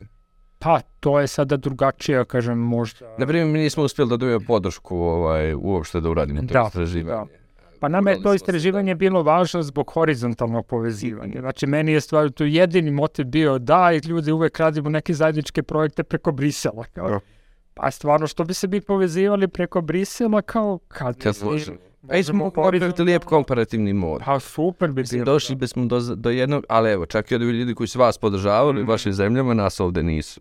Zato, je li to sad strah ili... Pa ne znam, da to je- već? nije, nije lako odgonetnuti, ali eto, imali smo sreće, mada nije bilo jednostavno, što je sve nešto bilo vrlo komplikovano, znači taj ugovor se na kraju potpisao kasno, mnogo posla morao se uradi na osnovu entuzijazma Tako da, mislim, na kraju je to bilo u stvari pola entuzijazama, pola neka potrška, ali eto, bilo dovoljno ljudi koji su hteli da se angažuju. Pravit ćemo horizontalne veze u inat. Da, da.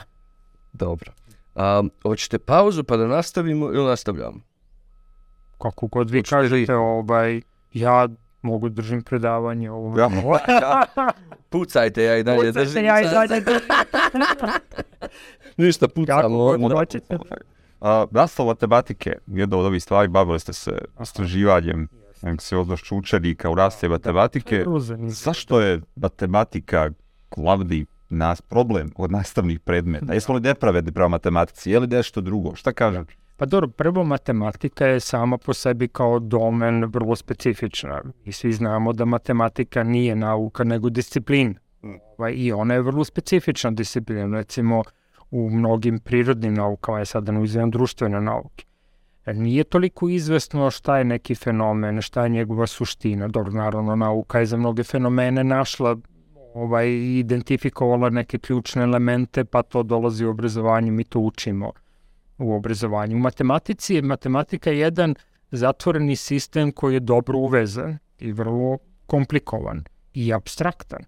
Jer u stvari to je moć matematike. Što se ona ne zanosi specifičnostima. Sad, mi kad gledamo neki fenomen, mi gledamo specifičnost fenomena, a matematika gleda neke dimenzije, numeričke relacije, matematički model koji može da identifikuje suštinu tog fenomena, promenu tog fenomena. U tom smislu je matematika moćna, ne može se primeni u raznim ovaj oblastima i stvarno je ona specifična. Međutim, ja e, mislim da, da to uopšte nije razlog, nužan razlog da matematika bude problem ovaj Mhm. dece. Mislim da tu sad sticaj raznih okolnosti. Jedan je da mnogi nastavnici matematike kroz svoje inicijalno obrazovanje stiču od svojih profesora a, poruku da matematiku može da nauči samo dete koje ima talenat ili gen za matematiku. I da takve dece je malo. Znači, ti kao nastavnik možeš imati u odeljenju dvoje, troje, petoro i taj nekako rezonira sa tom matematikom. On može tu matematiku da, da nauči, ovo ostalo oni nemaju taj talenat, znači sa, sa, šta sad sa njima da radiš? Znači možeš da izabereš dve opcije, ili da budeš neki rigidnjak, ono, kažnjavajući, da stalno tu decu suočavaš s tim, vi pojma nemate, vi ne znate, nikad nećete naučiti i da se ta deca ovaj, ubijaju u pojam i da stvaraju ovaj, strah od matematike ili može biti neki onako tolerantan, kažeš ok, kao dobit ćete dvojku, trojku, četvorku, sad u nižim razredima četvorku, a u višim malo i dvojku i trojku, ali neću vas ništa sada ni ganjati, ni maltretirati, digo sam, realno sam digo ruke od vas, znači radim sa onima koji imaju taj talenat za matematiku i to već nekako stvara kod učenika taj jedan odnos da nekako matematika je nesavladiva za mnoge od nas i ti tako kao dete već živiš sa nekim strahom od brojeva, od matematike i da to je nešto što je nenaučljivo. Pri čemu je vrlo zastupljena u nastavi. Pa da, pa zastupljena je, a i u životu je zastupljena. Znači, po meni, komunikacija, znači jezičke veštine, matematičke veštine svuda ti trebaju. Znači, šta god da radiš, tebi trebaju te dve veštine. Ne znači da, da, da je sve važno u životu, možda se redukuje na te dve stvari.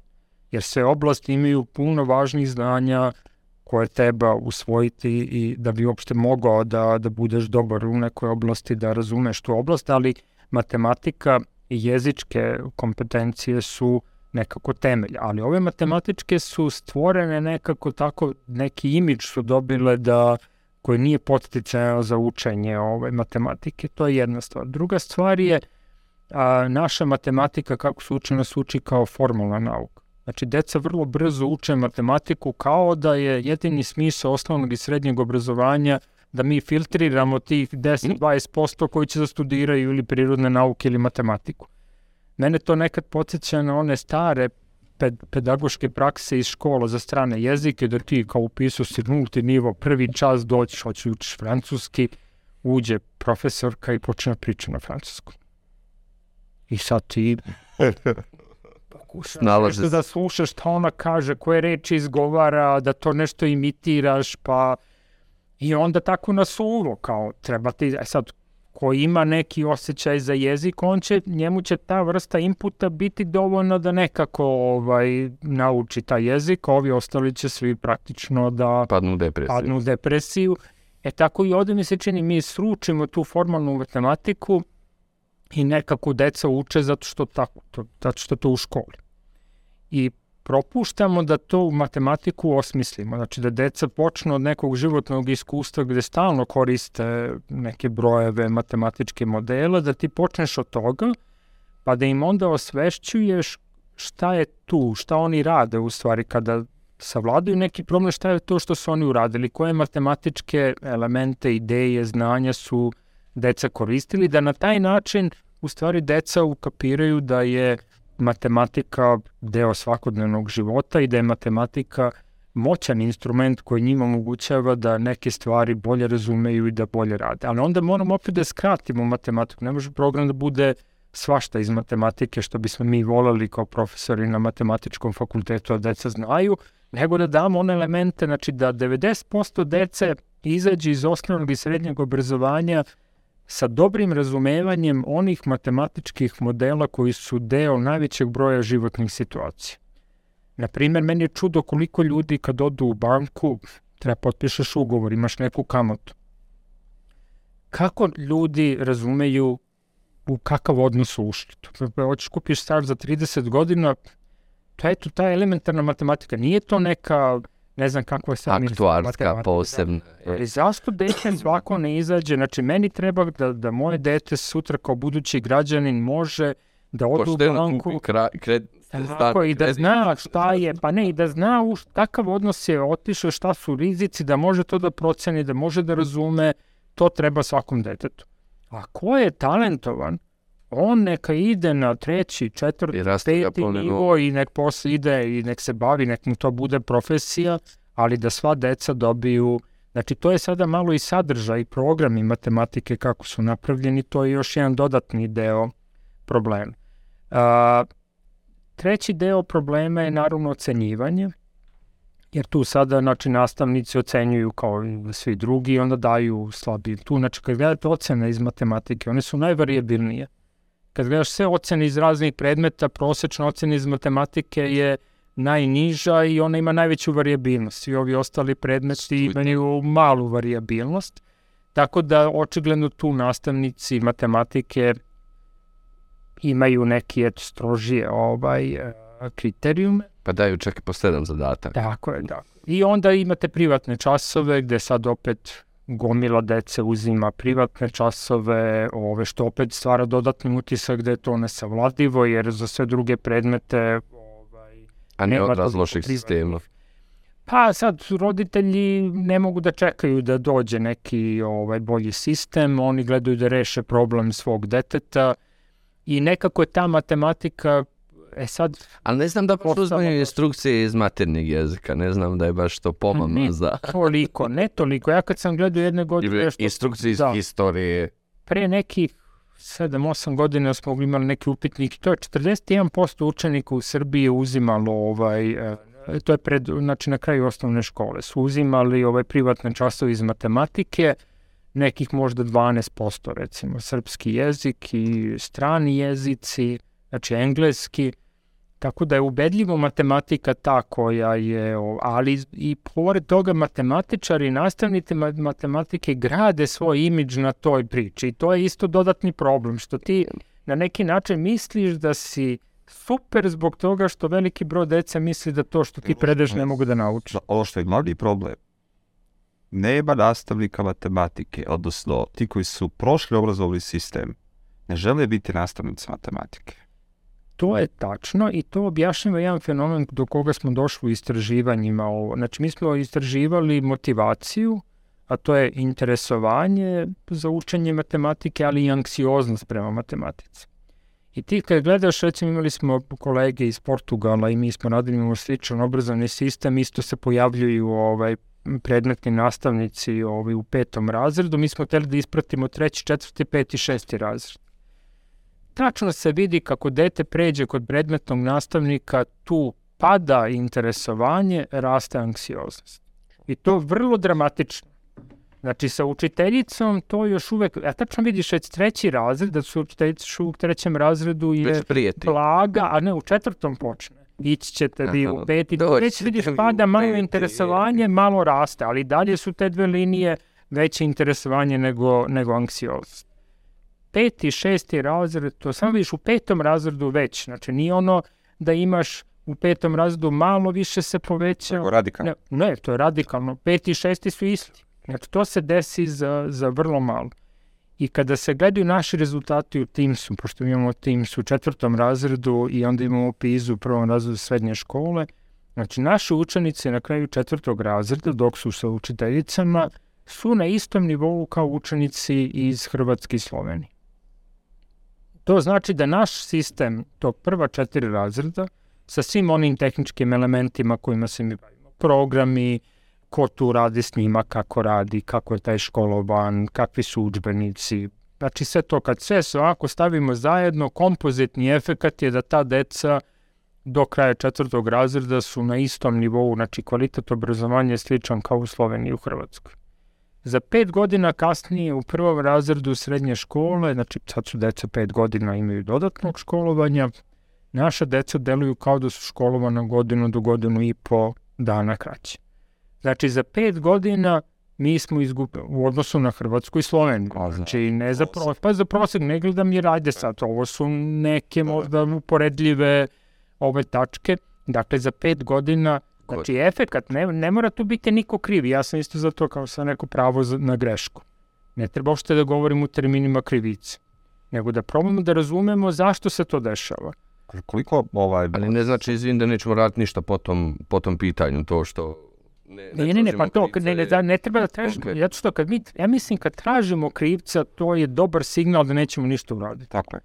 A kada razmišljamo zašto se to dešava, onda znači da nam je to Suština. predfaza za to šta ćemo posle da uradimo. Jedna od ovih mogućih razloga o čemu sam razmišljao zapravo jeste taj nivo razredne nastave u kojem su djeca jednog odjeljenja sa jednom osobom koja predaje više predmeta i koja naravno logikom neće raditi različite stvari, vodeći računa o nečemu.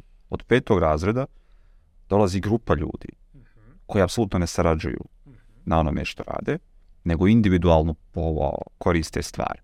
Uh, je li to pokazalo bilo koja vrsta istraživanja? Pa, recimo, na primer, ima jedno veliko ovaj, istraživanje, e, to je jedan kolega sa Novog Zelanda, John Hattie, napravio, ja sam bio u Ne. njegovom predavanju 2007. u Budimpešti, ovaj, Vi ga neki dan spominjali, istraživanje objašnjavali. Jest. E, On pravi te rang liste kao faktora koji doprinose ovaj kvalitetu obrazovanja i to onako, sad baš ne volim tu tak, taj žanr ovaj, uh, rang lista i tako dalje, ali to što on radi je u naučnom smislu dobro, uvek ima naravno stvari oko kojih može da se debatuje, ali mislim da je ono što je za, za praksu i za upravljanje obrazovnim sistemom važno da je to solidno i da možemo se osloniti Koristimo podatke. sad ta mašinerija iza toga, oko toga možemo da diskutujemo, ali ona ne menja suštinu njegovih nalaza. Jed, u poslednjih, ovaj, e, poslednjih nekoliko iteracija, faktor koji je isplivao na prvo mesto je ovaj, ta kolektivna efikasnost nastavnika.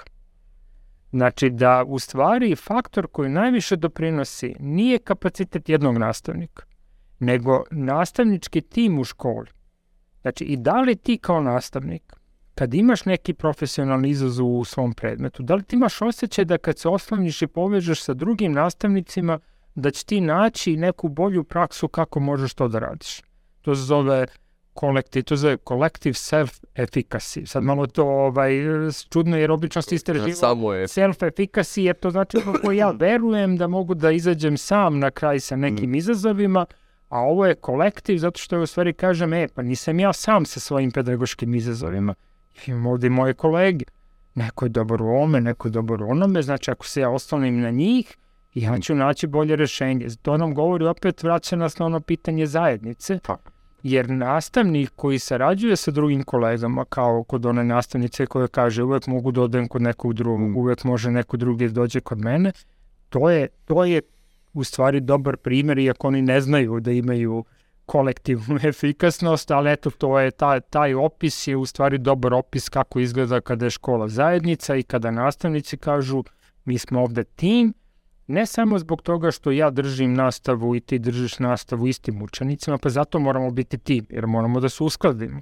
Mi obrazujemo istu decu i treba što više da pravimo kopče između onoga što ti radiš i što ja radim, ne samo zbog toga, nego da ja mogu da koristim znanje i resurse mojih kolega. Znači ja nisam sam, ja sam, ja, to, ja sam timski igrač.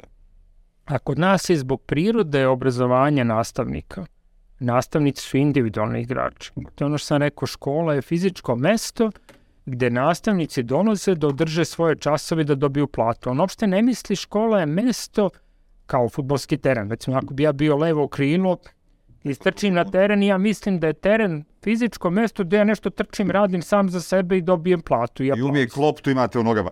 da, a, a nema veze sa ovih drugih deset igrača i to što ja radim nema veze sa onim što oni rade, niti mene to zanima, niti mi treba da sarađujemo. Znači, eto to... Mi dakle, trener. Pa, ni trener nam isto ovaj, ne treba, ali ne treba mi ni ovaj drugi igrač. Znači, prvi nivo da ja kažem stani, stani, ali to što ja radim treba se uskladi sa ovima što, rade, što oni, sa oni što rade drugi. Pa mi kolektivno u stvari pobeđujemo ili gubimo. Nema veze šta ja radim. Ok, može se desi jedan put u Već utakmica. Kad dižu ruke, dodaj, dodaj, nikomu ne dodaj. Pa da, da, da. Ali to je u školi prirodno. Da. I još jedna druga ideja, problem je što škola nije povezana sa, sa zajednicom. Znači ja nekad se opet šalim kada škola je kao ambasada ministarstva prosvete u lokalnoj zajednici. Znači kao što je španska ambasada koja je blizu moje kuće, to je eksteritorija to. Znači ja kad uzem ruku, ubacim kroz onu ogradu, tako sam se šalio sa svojim detetom, kao ćemo da u Španiju na brzaka, kao pustiš ruku unutra i kao sad si u Španiji.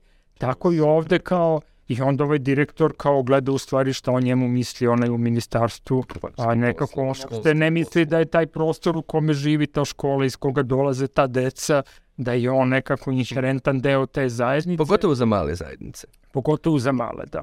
I tu ima jedna lepa priča iz ove priče o dobrim školama. Da, nije. Pošto smo radili u Srbiji, onda nije iz Goražda.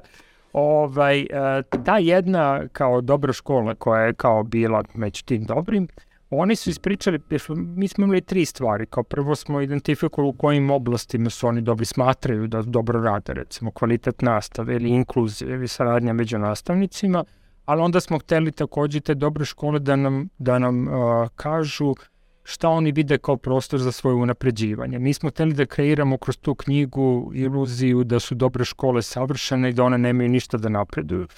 Nego čime se oni bave, šta oni sad hoće da unaprede. Treća tema je bila kako su oni postali dobri. Kako su oni uopšte došli do tih dobrih praksi da bismo pokazali da to nije palo s neba. Nije došlo tako sam pročitao knjigu pa nešto kopirao. Nego da je to inherentno rezultat nekog procesa učenja na nivou škole. I ta jedna škola je nama ispričala sledeću priču. Njima su hteli politički, i to, to je sad bilo da, da ispričam i to bi bilo slatko, posle demokratskih promena. Oni su imali direktora socijalistu, znači iz Miloševićeve stranke, koji je 90. postavljen kao direktor. Ali svejedno on je bio njihov direktor, oni su ga doživljavali kao svog. Zbog političkih promena došao pritisak da se on ovaj a, promeni i da dođe neko ko nije povezan sa Miloševićem. Oni su se mobilisali kao škola, cela, cela zajednica. To je jedna mala škola na obodu jednog većeg grada, znači u jednom naselju koje je prigradsko, Oni su se mobilisali kao zajednica da odbrane svog direktora. I uspeli su u tome. Znači, na kraju su uspeli. E, kad su to uspeli, onda su oni rekli, pa vidi kao kako smo mi moćni, možemo uspeli smo protiv da ukinemo." politike, kao, zašto mi ne bismo sad probali da vidimo da ova škola postane super škola, da nam deca ne idu kao zbog bolje škole, da nam odu ovo mesto, kod, mi smo prigradsko mesto, znači već smo, ovaj grad se širi, znači, a mi ipak imamo svoj poseban identitet i ne, ne volimo da nam sad deca idu tamo u grad, u školu i onda pitanje hoće li se vratiti i tako dalje. Onda su rekli da da vidimo šta možemo da uradimo sad na ovom talasu i oni su u stvari, njih je taj događaj pokrenuo da oni reformišu ove svoje škole. Jedna druga škola iz uh, jednog većeg grada, tu je bila fabrika, fabrika je pro- propala, tu su išla deca iz tog radničkog naselja I naravno fabrika propala, ljudi odlaze, dece sve manje i manje. propala. Pa da. I sad oni kao gube nastavnička mesta. Jer što ti je manji broj dece, ti na kraju gubiš neko odeljenje. Ako gubiš odeljenja, nemaš nastavnička mesta. Znači oni su jednoj godini ne znam koliko nastavnika izgubili i u toj godini su oni rekli ovo je Dosta. otišlo ono do vraga, znači ako ovako pustimo da se ovo dešava, škola će nestati. I oni su onda mobilisali i njihova ideja je bila, nemamo pojma šta radimo, nemamo pojma gde treba da idemo. Mi smo samo znali da hoćemo bilo šta što, što ima neki, bilo koji trening, bilo koji projekat. Mi hoćemo da se uključimo u bilo šta, samo da učimo nešto, da vidimo šta mi možemo da uradimo, da dobijemo ideje i oni su danas, ja mislim, jedna od najboljih škola koji su uspeli znači, da, da ugrade u svoje prakse mnogo novih ideja, koji imaju taj osjećaj mi možemo da uradimo nešto sa svojom školom. Dakle, to su ti izuzeci koji nama govore šta je optimalno. Sad razmišljam da zatvorimo ove fabrike po Bosni. Zatvoreno. Nemojte, molim. Su zatvorene. Novo otvoreno. Zatvorene sve. Po zatvaranoj fabrika. Zatvorimo Nitro koji Spirsat roditelja zadrže. Ne, hoće kažem, ovo su dva primjera koji pokazuju jedan uspešna akcija koja nema veze sa obrazovanjem, znači sačuvati direktora, je generisala jedan dobar proces učenja i pokrenula ljude da nešto urade sa svojom školom. Ovaj Izvući drugi je bio e, slučaj u kome su ljudi skoro se ugasili, nastradali i to ih je pokrenulo. Znači, opet ne možemo mi da generalizujemo, kažemo, uvek će dobar ili dobar događaj loš događaj da proizvede neku pozitivnu novinu. Dakle, ljudi su i škole su nepredvidljive i oni, ne možemo ih tehnološki ovaj, baciti u neki kalup i kontrolisati njihov proces unapređivanja. Mi jedino najbolje što možemo to je da te ljude podržimo u tome da se oni pokrenu i da ih podržimo u njihovom istraživanju, ispipavanju, lutanju Mm. i da im tako pomognemo da oni nađu neki obrazac funkcionisanja koji će biti najbolji za decu, za zajednicu i za Izvučemo iz konteksta i rećemo Bauca, ali tvrdi, zatvorite fabrike. Škoća bolja. Ova, da ne bi ovaj, mi se trebalo 48 sati. Ali nešto mene samo brine, gledam iskreno i avion. O, evo, stižu mi poruke od Air Srbije, ovo, Dear O, Passengers. Evo, evo, sa kraja, evo, pričali smo o školama i interesovanju. Idemo na ručku, nema veze, šta će nam ručak? Ono što je u ovom trenutku ono važno, kako to je da je ocijek za psihologiju filozofskog fakulteta toliko poželjan srednjoškolcima za upis, vi ste već neki, ono, unazad nekoliko godina, jel tako? Mislim, ja, ja kad sam upisivao je bilo 7 na 1. I sad je i dalje taj trend u biti najveće interesovanje na jedno traženo mjesto, najveći broj studenta se prijavi. Dakle, iako svi ovi nastavnički fakulteti kukaju da nemaju studenta, kako to da je ocijek za psihologiju ostao tako primamljiv? Treba budem ozbiljan ili neozbiljan. I što ima super nastavak pitanja, ovo je namjerno napisao. I koliko je psihologa na birovu u Srbiji? To mi je super nastavak. Da. Pa ajde prvo ovaj šaljiva varijanta, pa mislim naša društva se toliko trude da nam generišu nešto. Život ovo društvo stvarno ako nije poludao, nije normalan. Terapeuti pred mjesnim zajednicama. A mislim tu sad svako ovaj kaže daj da studira psihologiju da proba makar da sačuva zdrav razum u ovim našim ove društvima i životima. Šalim se da ja mislim ovaj da dakle da je psihologija jedna lepa disciplina. Ono što je meni bilo uvek divno u psihologiji kad sam bio student, ovaj, a to je da sve možeš nekako da povežeš sa svojim iskustvom, sa onim što se tebi dešava u životu, u društvu i da je to zaista, na primjer, ako studiraš bilo šta drugo, to je uvek o nekom fenomenu koji nisi, nema, mislim, ima uvek veze s tobom. Znači, ako si studiraš sociologiju, naravno, društvo, pogotovo, kažem ja, iz perspektive sociokulturne psihologije, verujem da način priroda društva na neki način određuje i kakvi mi ljudi postajemo ove, u svom razvoju, ali svejedno to je opet o nekom društvu, nekom entitetu koji je tebi možda važan, ali izvan tebe. Psihologija je uvek o tebi, o tvojim odnosima, znači sve može da se nekako poveže i sa tvojim ličnim životom, što je i dobro i loše. Jer to povezivanje sa ličnim životom može da odvede ljude u neko to laičko psihologiziranje koje uopšte nije podržano u stvari znanjem i to je to se i dešava na primjer nekada ovaj u praksi da vi vidite ljude koji su prošli kroz psihologiju, ali nekako kad Nije slušate- psihologija nije psihologija kroz njih. Da, ali to, zato što to stvarno jeste ta zamka, znaš, kako ti stalno kad nešto pripremaš ispite, učiš, ti stalno u stvari možda povežeš ovaj, najgore naravno kad učiš psihopatologiju, pogledaš one karakteristike, Ne, ne, neki ne, ne, poremećaj, kad imam, imam. Nije bi ovo trebalo da znam. Da, tako da, ovaj, eto to, ja mislim da je generalno nezavisno od naše tranzicije u kojoj svi ono, smo već na ivici nervnog sloma, što bi rekao Moldovar, ovaj, da je psihologija kao... E, s druge strane, mislim, i to sad da se vraća na pitanje biroa, psihologija je, ja mislim, isto nauka i disciplina budućnosti, zato što tehnologija rešava gomilu nekih praktičnih problema.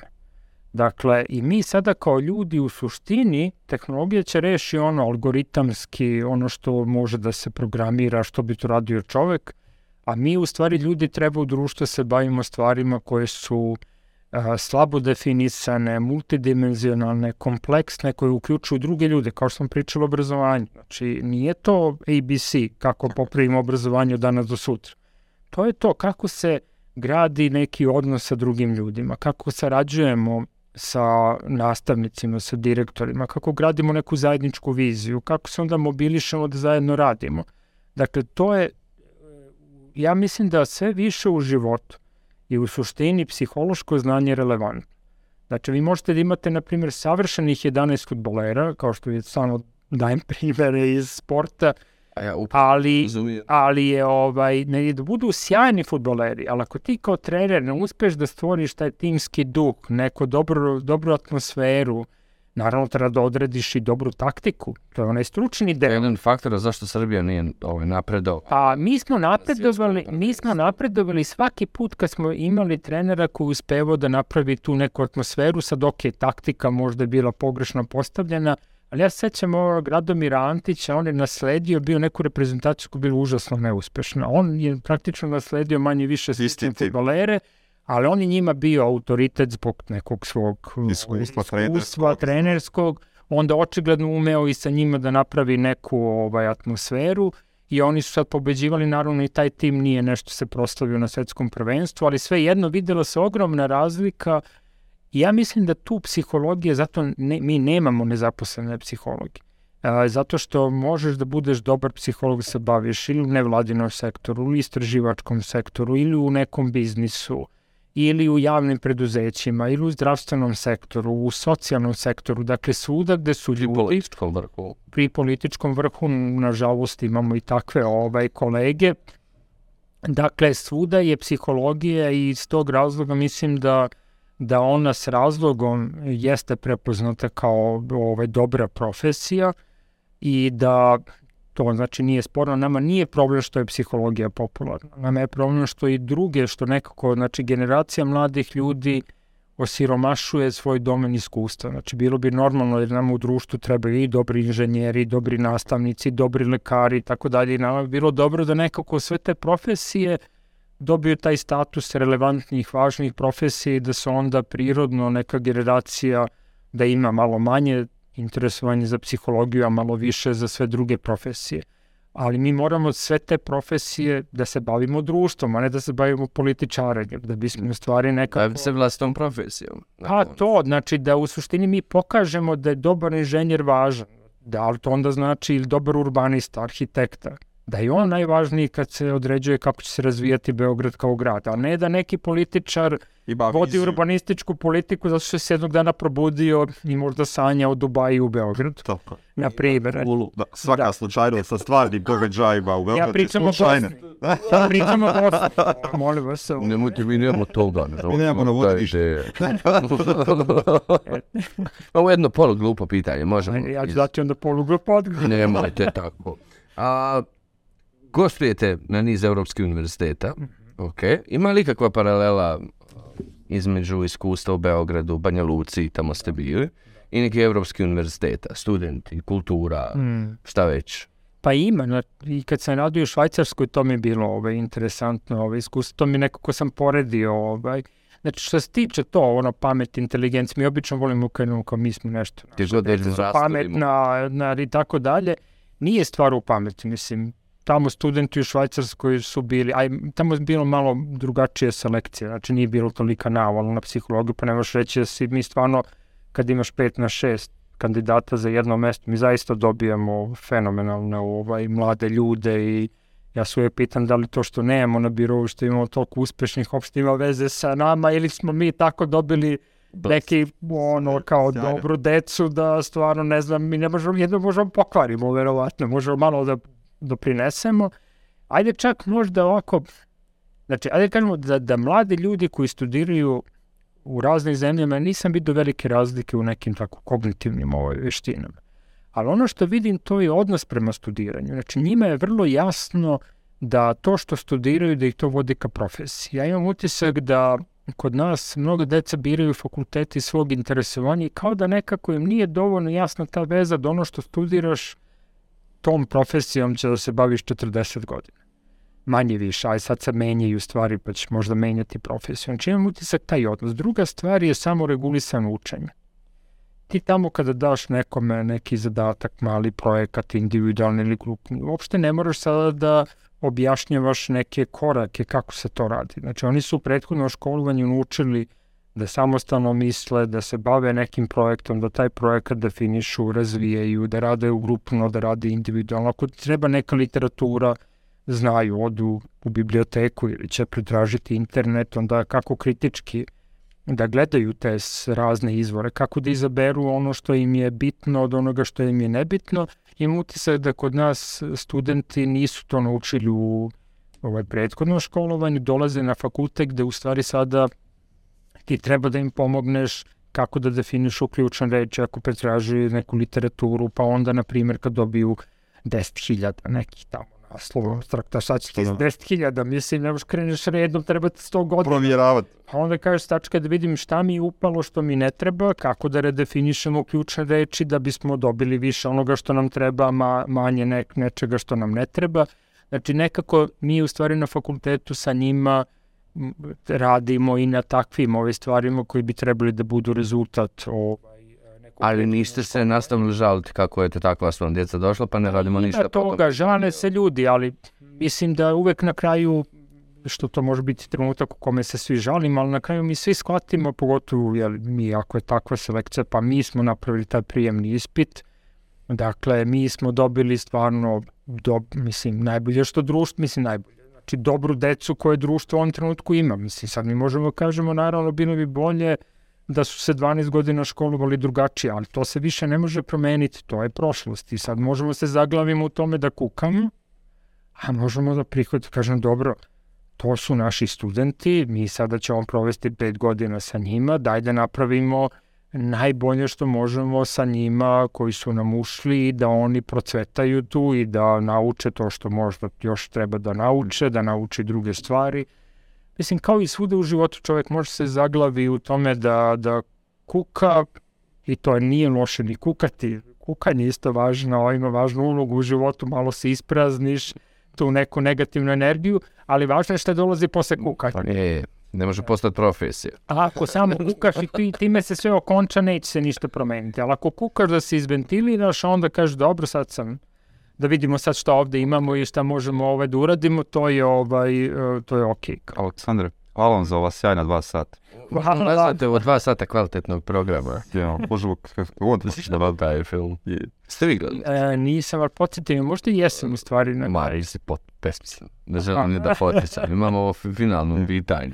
Ajde, A, ja sam jako puno naučio u ova dva dana sa, sa vama. hvala puno. A, neke stvari smo potvrdili, ono kad se Namir ja pogledamo, pa kao, "Ha, ok, neko to dijeli s nama. Evo sad imamo čak i, ovaj, pošto nas pro, pro, prozivaju da, da čak su neki izgovorili da ovo što, neke stvari koje govorimo poput odnosa i to da je to pseudonauka. Evo, drago mi je da neko relevantan, s druge strane može da potvrdi Ja za sam nešto. učio da sam pseudonaučnik. Jeste, jeste. Nije Tu on čak obrazovni Oni su autoritet kaže. popularniji sada od naučnika. To kad hoće da vas unište, onda to još, kao to je pseudonauka i kad kažete da je pseudo, onda se nešto prepadnu. Um, tako da evo, ja sam, poprilično, ozbiljno sam uživao. Ali meni je bilo živo. Hvala na ovu prevaljenu poutu. Ne, nije stvarno. Meni bilo zadovoljstvo. Što bilo da nađemo jeste neki, ono, kao, nema veze. Ovo je duhovna hrana. Da. I ajmo mi uprkos povezivati horizontalno Jest. energijom, pa šta god to zna. Pa šta ispadne? Da lutamo zajedno, valjda ćemo naći zajedno neki, neko bolje mesto. Sad za onih 10.000 eura što smo vam dali da gostujete u ovoj emisiji, zaslužujemo još malo na kraju ovo da psihologizirate. Sad ćemo na kauč. Šta? Tamo u kauču u onoj kancelariji. A, šta stoji iza ovog idiotskog poriva namjera i mene da i dalje pričamo o obrazovanju? Evo, imali ste Da. dva dana s nama. U koju A kategoriju? Ja mogu samo se projektujem, a to je ta neka vera da ja mislim, kao što mene drži, da je to smislena stvar, da ta stvar ima veći značaj od mog ličnog života, da znači time baveći se obrazovanjem da u najboljoj nameri pokušavaš da uradiš nešto dobro i za neku drugu decu, a ne samo za svoju i da to i na kraju imam isto da, da nekako to osmišljava na život da si deo te zajednice, da doprinosiš to zajednici, ne kažem da uvek moje ideje i moji predlozi su i dobri, možda i nisu, ali eto, uvek se trudim da, da učestvujem, da doprinesem, a onda će neko sito zajedničke diskusije i vremena pokaže šta je bila dobra ideja i nekako to je ono što kažu dobar život, kad sva istraživanja pokazuju šta je srećan život, jedan od elemenata je da radiš neke stvari koje nisu samo u tvom nekom ovaj, ličnom svakodnevnom interesu. Znači ne treba nam nikakva terapija. Ne ozbiljno. trebamo, za sada. Za sad. Odlično. Profesore, do neba hvala. Hvala puno. Hvala puno. Hvala. Kolega, super ste ova pitanja. Treba se Super si iščitao. Treba se naći pitanja. Dobro, ćemo ste meni dati ja pismeno da odgovorim pet pitanja. nas da koje, koja pitanja pisao, samo da se zna bez... Moramo da kažemo, jes. Hvala Iber. Hvala drug što si stajao dva i nešto sata. Ovo je bukvalno najduža e, epizoda beseda o obrazovanju. Preslatko, mislim bez da dođe iz Beograda da ga kao, ajde sad, Tako je. sat vremena.